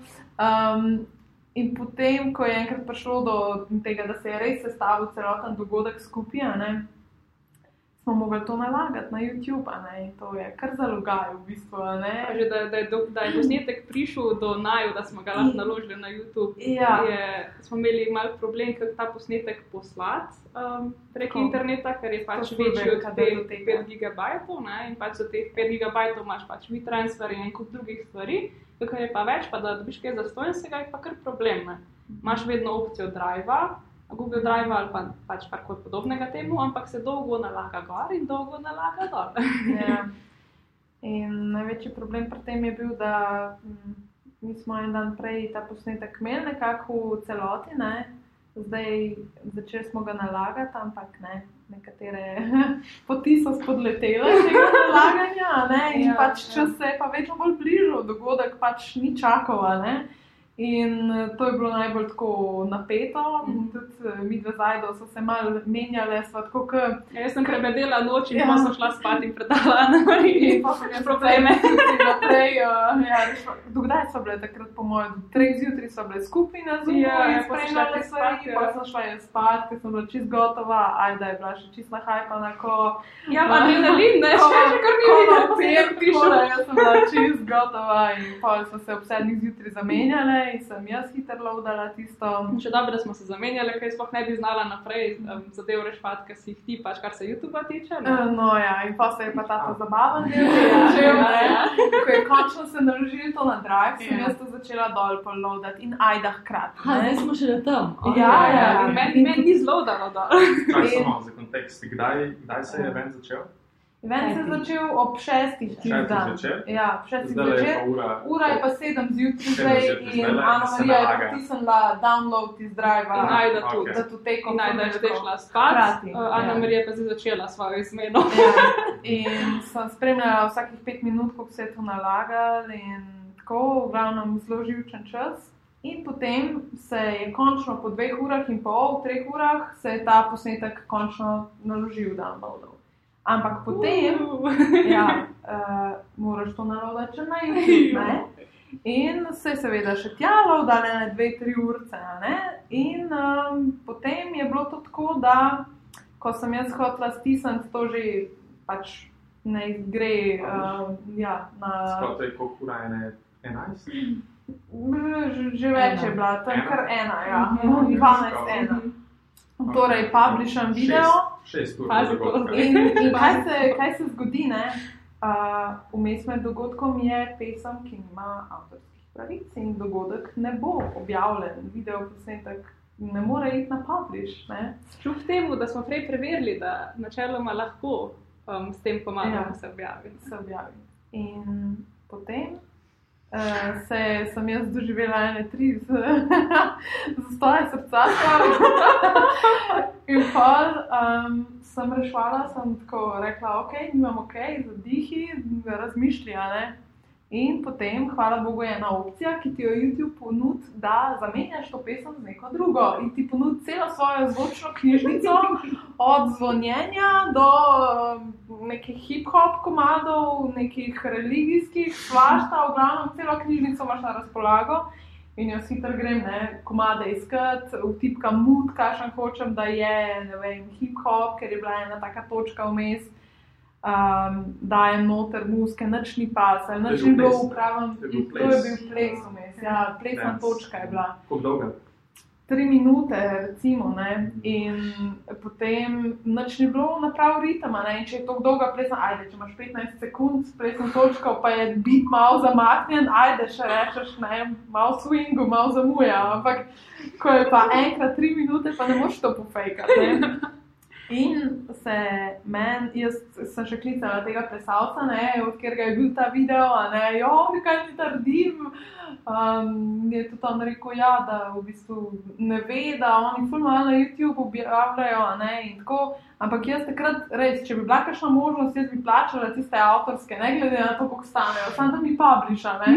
Uh, ampak ne, ni bilo niti te opcije, in potem sem končno našla en komat, ki je približno pasal noter. In sem ga poslala temu plesalcu, spisal, a je, ej, a je ok, mislim, a, a se ti zdi, da bi šlo to skozi. Ja, super je, super je, super je, sam da je publish. Sam objav, v glavnem, in se mi je kar usralo s tem. In glede na to, da na YouTubu ne moreš niti fade outa na koncu narediti, ne, ne moreš več editati, samo komad lahko čez unga vržeš, ne. Se je išlo pač najboljš, kot bi se lahko, no. Tako da, in potem, ko sem to izbrala, potem se je še to zdaj nalagali, nalagali, nalagali in še tako ti napiše, ne. Ja, sicer ste zamenjali komat, ampak ni nujno, da vam ga bomo pustili pa. Tudi mislim, da še enkrat pol je failalo, ne, preden je pol ratalo. Ja, in pol, ja, pol sem pustila eno uro, sigurno se je nalagal in pol je napisal, kao, ja, še pregledujemo, kao, še rabimo nekaj časa. In smo bili, ja, ne tri. Pa štiri. Takrat Ja. enkrat si pol ti do mene tudi prišla. no. Ja. In pa sem jaz že mogla iti v Ljubljano, v glavnem tisti video se je pol končno naložil in sem jaz malo zabihala, pa sem šla pa direkt do Ajde, ker naj bi streamale video, ne? in upajoč, da bo vse šlo v redu. V glavnem, pa smo imeli pa to sceno z internetom, ampak vse pravim. Ne? Najboljši napotek za vse ljudi, ki delajo z organizacijo, je to, da tistem trenutku, ko ne moreš nič narediti, se pač ustavi in razmišljaj, kaj je najboljša stvar, kaj jo lahko takrat narediš, kaj je sploh v tvoji moči. a ne. Ker Naj, najhujše je v bistvu to, da zmrznemo. a ne. In Ja. pol, uh, Ja. te kar šprime in ne veš. Ja, Ja, ne. konc, ja. Ja, se mi je naj, naj, najboljši napotek je, da si tako res počit na dan dogodka. Da je to Um, na to, ja, stresom, veš, da Lahko ful tako na adrenalinu, adrenalin tako, da gor si v drži. smislu, da lahko pričakuješ, da boš ful zadev narobe in da sam tako, da, da si nekako mental space, da ne boš takrat zmrznil. ne. Ja, samo ti to si je lažje reči, da ne. lahko rečeš to, ne, ampak Mi dve smo ne gre malo preveč, tako, um, ja. um, kako bi se temu reklo. Mislim, da bo vse kul. Um, Ne. malo bolj, nismo tako zelo mogoče. Ne vem, Sproščeni. prav ne, ne, mogoče ni pravi beseda spontani, ampak hočemo malo bolj imeti stvari pod kontrolo. Aha, mogoče. ja. Zorganizirana, Um, ja, vse malo bolj naprej na ziher, zaveva, recimo. kako bo, a ne. Ja, sploh še pač neka tako um, Mm. velika odgovornost, ker Mm. pač, da v bistvu pač na koncu ne je bil tisti dogodek na Vse, kar smo nama. lahko pokazali. Ja, pa pač Ja. na nama, ki smo pač to izvajali, da pač bo v redu. In pač, če tukaj Mhm. gre karkoli narobe, nismo sam sebe razočarali, ampak pač še celo ekipo ozadje. Ja. Ja. In um, ta je pritisk je kar, um, kar velik. No. Jaz pa je to razumem. Ker te taponiške dogodke, a veš, kaj to organiziraš. Pač to tako, ljudje mislijo, da je to tako neki vizi. Ne, ni vizi, ker imaš tisoč udeležencev, imaš 200 stafa in potem nekaj banalnega gre na robe, ampak se ti podre v vrsti. Ampak najlažje je pa pol reči, ne. A, slaba organizacija, ne. Ja. To je pa najlažje reči, na koncu vsega, ne. Ker te ena stvar zmotne od vseh drugih stvari, ki so šle ok čez, ne. Tako da Ja, to me ampak, je kar malo potiče. ampak je pa tudi res, da se da tudi pač to je bolj v tvojem Ja. stilu najti, ampak pač moraš biti tak tip človeka. Tri na ena. Ja, ne, te pač se je, ne, mi smo tudi imeli pač te, za zep- zepom te dogodke in pač so vsi šli čist full fine skozi, ne, in um, nisi rabo za to pač imeti enega full control frika zraven. ne. Ja, mislim, za določene zadeve je pomagal. Mhm. Kakšne take zadeve, ki se je res, um, recimo, ko smo pobirali uh, vstopnine, pa je pač to 130 folkov v vrsti čaka. Ja. Um, v enem takmu, na nekih stopnicah, ne, se ajde, pač ti si to direkt. Uh, Jaz sem to pobirala. Speaking of. No, povej malo o tem. in, in, in ajde, ti si potem v bistvu nekako pogruntala nek sistem, ker smo v Excelu potem na zelo hitrejši način sprejemali cele ekipe, ne s posameznikov. Ne? In da smo bili že vnaprej nekako naštimano um, noter v, v Excelu, koga pričakujemo, in pa so bile same kljubce, ni bilo treba več imen dejanskih pisati, pa vse. Sploh nekaj imaš tujce, ne, in pol še ne Ja. veš, kako se napišejo njihova imena, jih moraš pač Ja. spraševati Ja. um, in prav napisati in prav prebrati. pol. Ja, in to nam je v bistvu, bi rekel, da skrajša ta čas pobiranja vstopenc iz 50 minut na 17 minut, mogoče 15 minut. Ja, ne, jaz, jaz spomnim feeling, ampak je kar skrajšalo. Ja, 50 minut. vse. Ampak se To je. tudi folk no prihaja. Ja. Ja. Ampak ne, ampak vseeno, ne pač to spet ni pač ok, bil en delček, ne, ampak načeloma. Ampak se to je Ampak veš, dogodkov, veš, Ja. pač svoj karakter daš noter, sebe celega in Ja. pač tak, ki si ti, tak je dogodek, ne, ni druge, a ne, pač tako to je. Je čisto res. ja. Ja, ne, ker če jaz naj pogledam, mi da so pač, ajde, full bolj control freak, ne kot jaz. Jaz sem tudi bolj tako, uh, v bistvu, bolj na najčevi strani bi rekla, kot, a ne, um, Sam še zmeraj zelo ziharaš, kaj se mi zdi. Ja, ne, hočem vedeti, kako kaj bo, itd. Ne, si vsaj v glavi naredite načrt, ne pa do besede, kaj bom povedala. Ajda, do besede, ne, do pike vejce. No, Ja. no, to zdaj malo pretiravamo, ampak ja, zelo, zelo natančno. Recimo Razumem. na eni pani sestankov, ne, Ana Marija ima te ključne besede, jaz sem vam stavke. Malo več kot Jaz se vmes še fulajnih stvari spomnim in tako. In pa povem, pač, kar mi v tistem trenutku pač pride na misel. Če Vem, sam recimo, ne, jaz pač sebi ne zaupam, da ne bom pozabila njih stvari, če si jih ne napišem dol, ker pač imam tak sistem, kako je svoj life organiziral ne, in pač si rabim napisati. Ne. Um, to pa ja. Ta fora, veš, ko vsi imamo neki ali en planer, ali pač Google koledar, ali neko stvar, ki ji najbolj zaupaš in imaš tam vse, cel svoj life noter, ne. In jaz imam recimo en eh, sveti koledarček moj, ki je vseeno zapisan in če nimam tizga, pač ne vem, kaj se mi v life dogaja sploh, a ne. Um, Ajda ima pa recimo Google koledar, pa mene ne razume, kako lahko jaz si pišem tam stvari. na Mi roko. realno, jaz si pišemo, ta pa se da. Mislim, pač meni je, jaz drugače sem tudi prej na roko pisala, pa tudi to-do liste dnevne si pač pišem na, na roke, ampak je fura, da pač Google koledar pač naredi stvari prenosljive in pač ne rabim, ni pa problema, če jaz pozabim zvezde, ker se lahko kjerkoli prijavim in pač imam to in pač, um, ja, je to bolj zik. Sam skupaj, a veš, je pa spet, je pa perfect combination. Ana Marija napiše, ajde da noter v Google koledar in je večno. In pa nam je isto tako. To so se mi dve pogovarjali, a ne? Mi pa tudi se mi zdi, ne. Ja, tudi na podobno sceno. Ja, Ja, no, evo.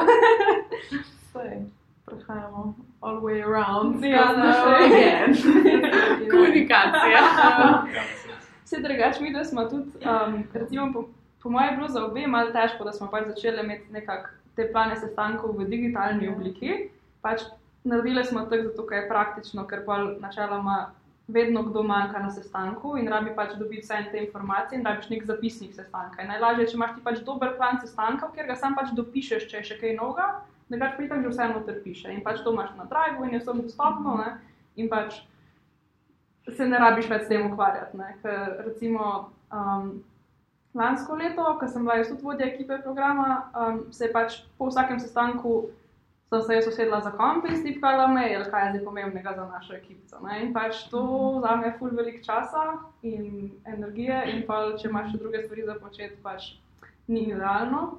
Um, ampak recimo ne jaz, ne Ana Marija, niso bile navajene tega, da zdaj pa moramo v digitalno obliko napisati en Google dokument noter. Um, Najn, najn plan za No, zato sestanke, je vse ne. odgovorna. Ona je super za te sistematične stvari. a ne. Tako, ok, to moramo narediti eno mapco, ne? I love it. Ful dober. Ja, meni tudi to všeč, ne? Ker jaz sem itek tako mal. Pač jaz vse na roko Malo si napisam. Ja, evo, Cowboysko. kavbojsko je. Ja, tako, a veš.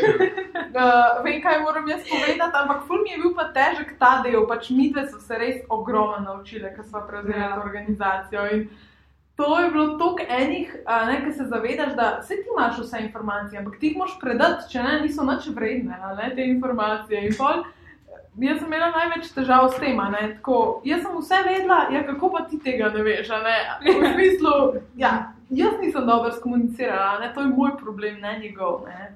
In uh, pač res, res, mi dve smo tako. Um, tudi v, tem, v teh planih sestankov, itd., itd. Pač mi dve so čist rasle s tem projektom skupaj in se tudi Mhm. mi dve učile, čist na novo v bistvu. Um, Ja, A pa bi zdaj, ki je pač v bistvu nekako bilo, ok, rekla se, da boste v bistvu prevzela tudi naslednjo a, Mhm. sezono. A se temu reče sezona? recimo. tako rečemo, sezono. A, sezona. Tako rečem. Ja. Mm.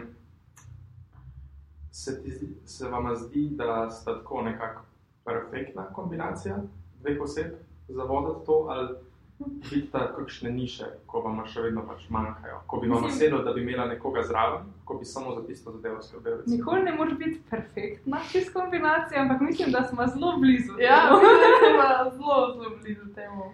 Jaz bi tudi rekla. Tako, na začetku, ko smo rekli, da bomo prevzeli, si nisem niti mislila, kako bo to izgledalo, ampak so se tako dobro poklopile, tako mm, tematsko in si razdelile stvari, in tako tudi interese ima vsaka malo drugje, in pol tako.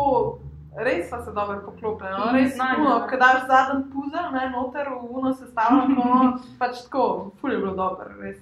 In tudi na koncu se že tako dobro poznaš, da prek zuma prebereš po faci, a ne, veš, kaj si najda misel, a ne, iz čela in itd., ne, tako da pač res se dobro spoznaš, ne tako v potankosti. Ja, ma sej tudi, ko smo ur skupaj preživeli, mislim, da moramo biti toliko ur skupaj To je. preživel, ne? To je najboljši Ja, team building, organiziraš dogodek skupaj. Ja, ja, ja. Uh, ja, ne, to je bilo res zakon. Tako. Um, pa mi dve smo prej bile v bistvu sodelavki tukaj in tako, vse smo se pač pa družili. Tako v escape roomu. V Ja, escape roomu escape sva, ja. To je tudi, ker mi zdaj snemamo, by the way. Ja. Ja, Escape room, hudo je to. Ja. Kako se imenuje? Enigmarium. Ja. Jaz sem najprej gledal, zdaj napisi sem tako, čakaj, jaz na robe.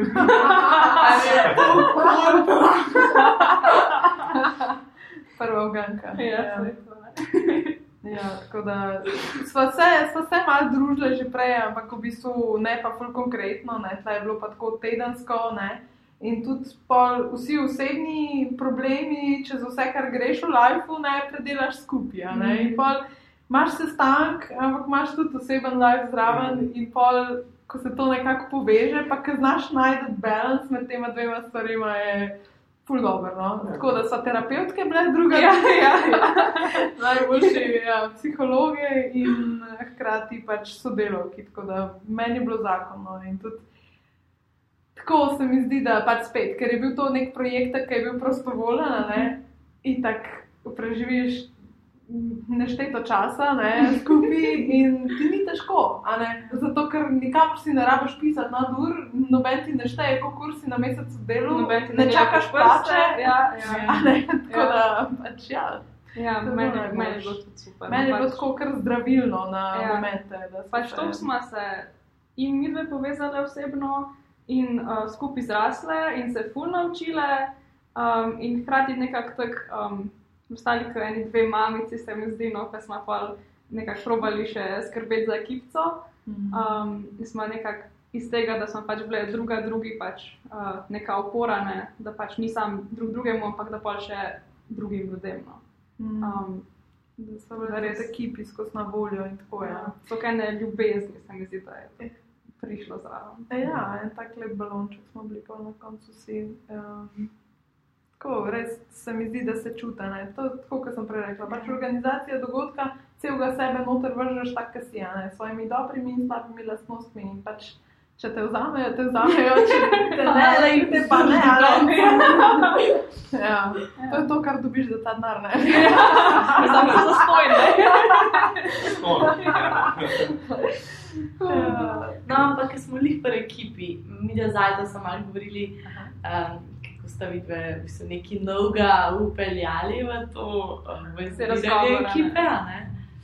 Um, tako da, dajmo zdaj, ker smo mogoče malo te napake, a damo še tako neke najbolj, najvišje trenutke, najboljše trenutke, naj, nekaj, kar ste res ponosni, je prišlo iz tega. Ja. Ne bom rekla, kje naprej govori, ker um, sem zdaj bolj neizvaj, pa bom bolj spontana. Okay, ja, Meni uh, se mi zdi en tak highlight, ki je bil, po mojem, za skoraj celo ekipo, no, je bilo pač to snemanje dogodka. Um, zdaj sicer smo ga vsak malo po svoje doživljali, ker pač smo imeli uh, različne um, vloge ne, in, in naloge in obveznosti, no, ampak recimo meni mogoče še posebej z vidika pač govornikov um, in ekipice programa so bili govorniki res dobro pripravljeni na, na to snemanje. ne, Ker um, pač se je tudi že nam zgodilo v prejšnjih letih, da kdo pač ni bil dobro pripravljen. Um, in mene je nekako bilo malo strah, da bi se to zgodilo. Um, in pa, ko so bili vsi res tako dobro pripravljeni, me je prav prijetno presenetilo. No. Um, tako bolj, kot bi jaz mislila, da bojo. In pa je šlo res pač zelo gladko vse skozi.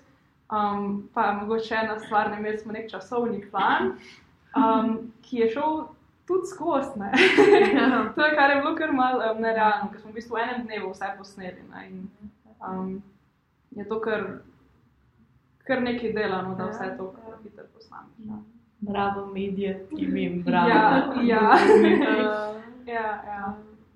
Jaz tudi mislim, da v prvi vrsti je bil highlight ekipa. Pač. Tok, Ja. um, tok zanimive posameznike, ki so jih dobile v ekipo in pač vsak ima svoje stvari in si vzame čas za pač organizacijo, in je pripravljen res uložiti velikega truda, in Švica, pa um, res smo se vsak teden dobivali, tle ni bilo tako, ja, mogoče enkrat na mesec nekaj, tle je bilo tako res sistematično vsak uh, teden in s tem namenom, da se povežemo, in mislim, da smo ga tudi dosegli. Pač, In na začetku pač je bila ekipa. In če je ekipa dobra in če je ekipa enkrat stala, pa so se pridružili pač govorniki. Uh Mhm. -huh. In tudi mi dve smo pač te imeli razgovore z govorniki, itd. Ampak um, jaz v prvi vrsti sem ful ponosen na ekipo, ker to res dogodek nikoli ni del enega. Mi dve sva, mi dve nimava superpowers brez. Ja, pač mi dve same ne moremo narediti tega dogodka. Pač no way. Ja, tako da pač najne čarobne oči so bile tukaj samo, da lahko motivirava, da poveževa folk skupaj in tako, kar je bil še poseben izziv, glede na to, da se nismo v živo sploh videli.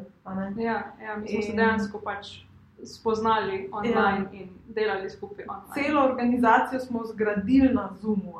Ja. in od temeljev gor. Ja. In to je meni bilo res fascinantno. No? da Ljudje še vseeno, ko smo imeli slikanje, recimo v živo in to, ko smo se v Tivoli dobili, mislim, ljudje so se prvič zagledali, ne, hej, ti si pa tiskal, oj, ima tak profil na- Zoomu itd. Ne, tako, ali pa recimo nimaš občutka velikosti ljudi, ne, Ja, niti- ja, to je ful zanimivo. Ko si sedimo za mizo, pač portretno vsak ga vidiš, ne veš, koliko je kdo visok. Ne Ne? narediš si neke predstave v Ja. glavi, glede na ne vem, imaš dimenzije, glave, ramena, karkoli, ne vem, ali pa ljudi, ki jih poznaš, Ja. ja. podobno izgledajo, in pa se vidiš v živo in si včasih kar malo presenečen. ne, Ja. Wow, ok, to si malo narobe Nova zamislil. informacija o človeku, v bistvu ga poznaš, ampak ga sploh ne poznaš. Ne? Ja. Tako teh fizičnih lastnosti sploh ne poznaš. In, um, ja, pa, pa druga stvar, pa govorniki. Mislim, to je bilo za njih en velik napor. ne.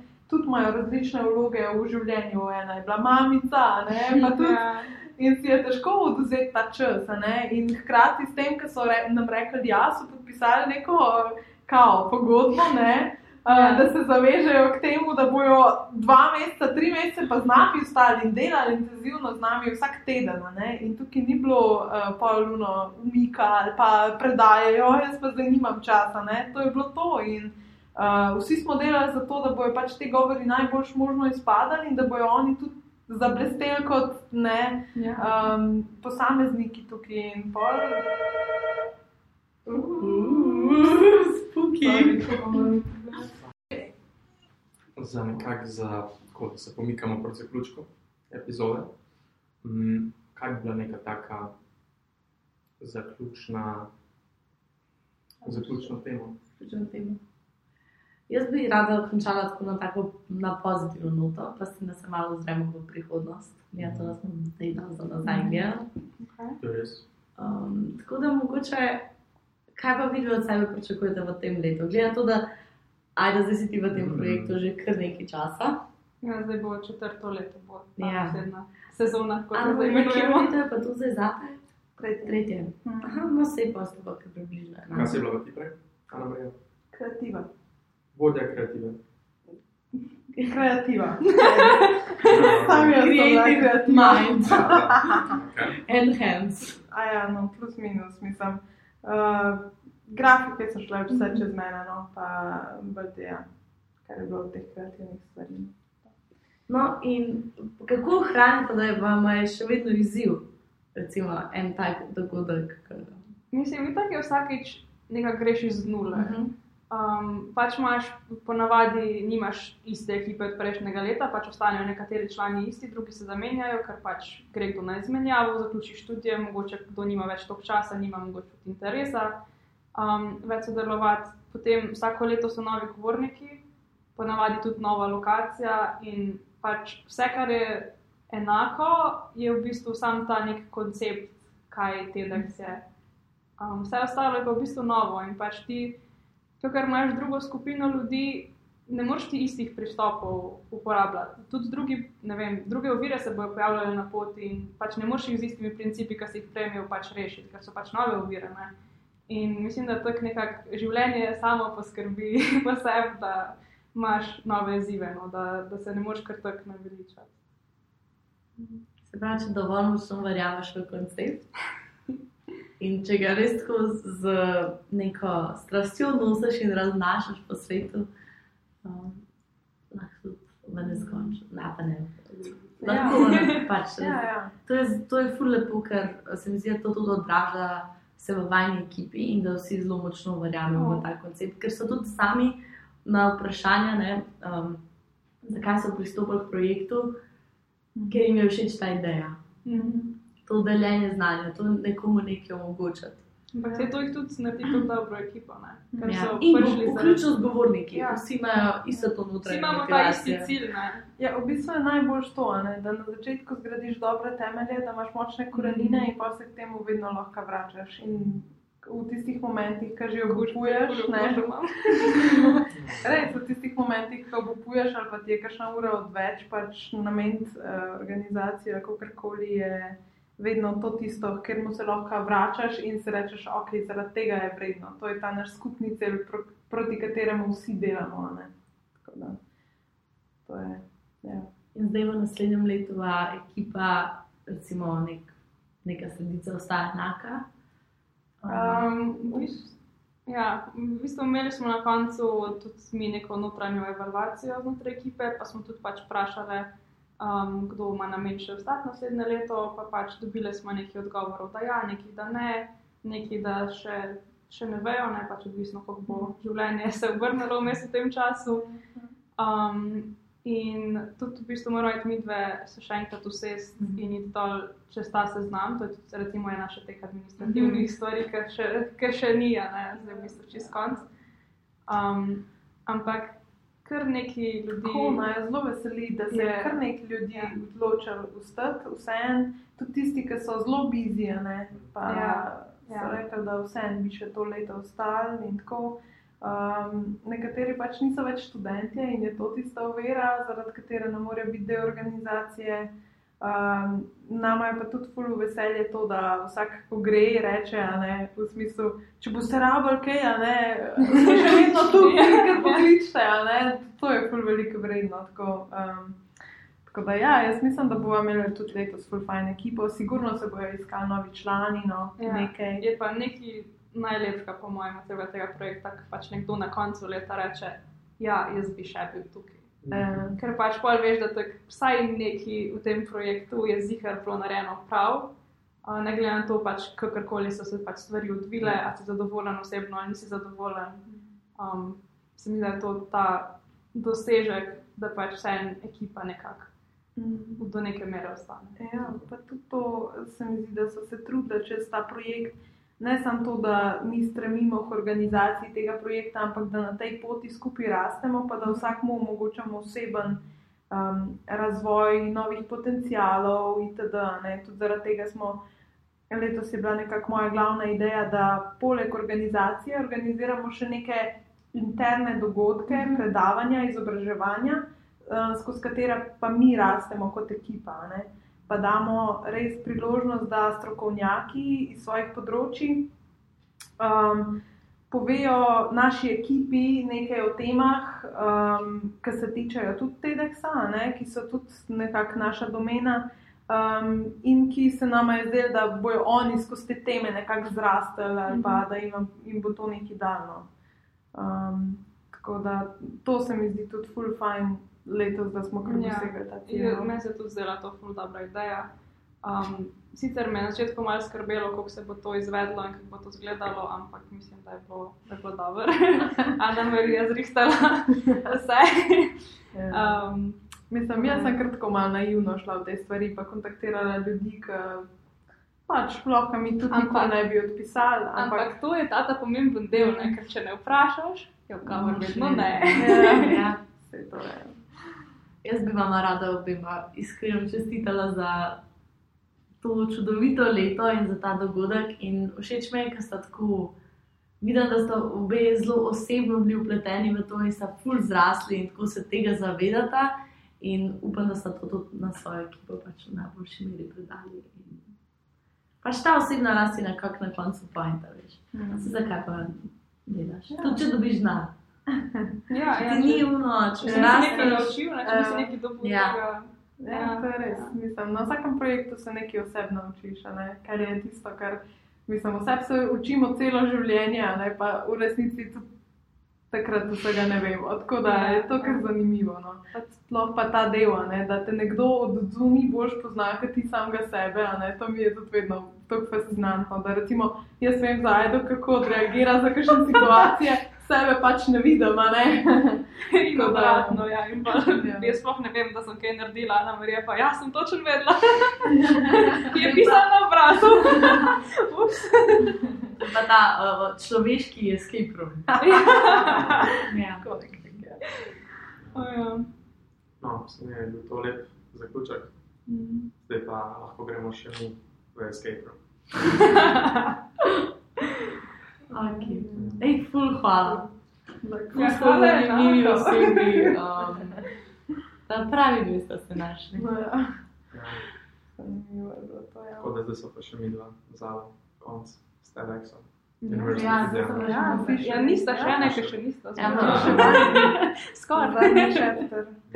Kako je pa vama bilo skozi ta proces? Vidva sta tudi rasla z nami. Ja, ful, zanimivo je bilo. Ja. Um, Toliko enih ljudi smo spoznali, ki sem se nikoli mislila, da jih bom. Urša me je čuvala potem na enem kolokviju na faksu. Ja, sem hej, no, tako. Živijo. Pišem v kolokviju. Ja, pač nekaj tam, nekaj sem izkušnja, ki ta zgodila. Ja, pa spet, čisto je naivno težko um, um, vseti no. neke nove formate, mogoče se. Ja, težko. Ja, Izziv je je bilo zahtevno. Izziv pa tako pač, something to do, a veš. No. Um, Nam bo ful dobro, ker bo nekaj drugače. ja, čist drugače, čist drugače. Um, pa tako res, na začetku si nismo predstavljali, kako bo to pač dela zajemalo, ne. Ja. Ok, mogoče, ne, ne, ne, epizode se bodo dve, na ne. koncu, ne. Tri snemanja, mogoče štiri snemanja. Oh, Um, shit, ja. Zdaj se pa nadela. Ja, ampak to je bilo tako, veš. pač, Ampak um, mi smo iz tega ugotovili, da je nama to ful dobro delo. Ja, ne? ja, ja. Da bi pač v neki tej obliki z veseljem kdaj naprej kaj počela. Ne? Hvala še enkrat za to prijeten pogovor in za to prijetno epizodo, ki je drugačna kot do zdaj in drugačna kot ponavadi izpadejo, ampak lih ta drugačnost mi je v bistvu všeč. Lepo se majte, pa se slišmo.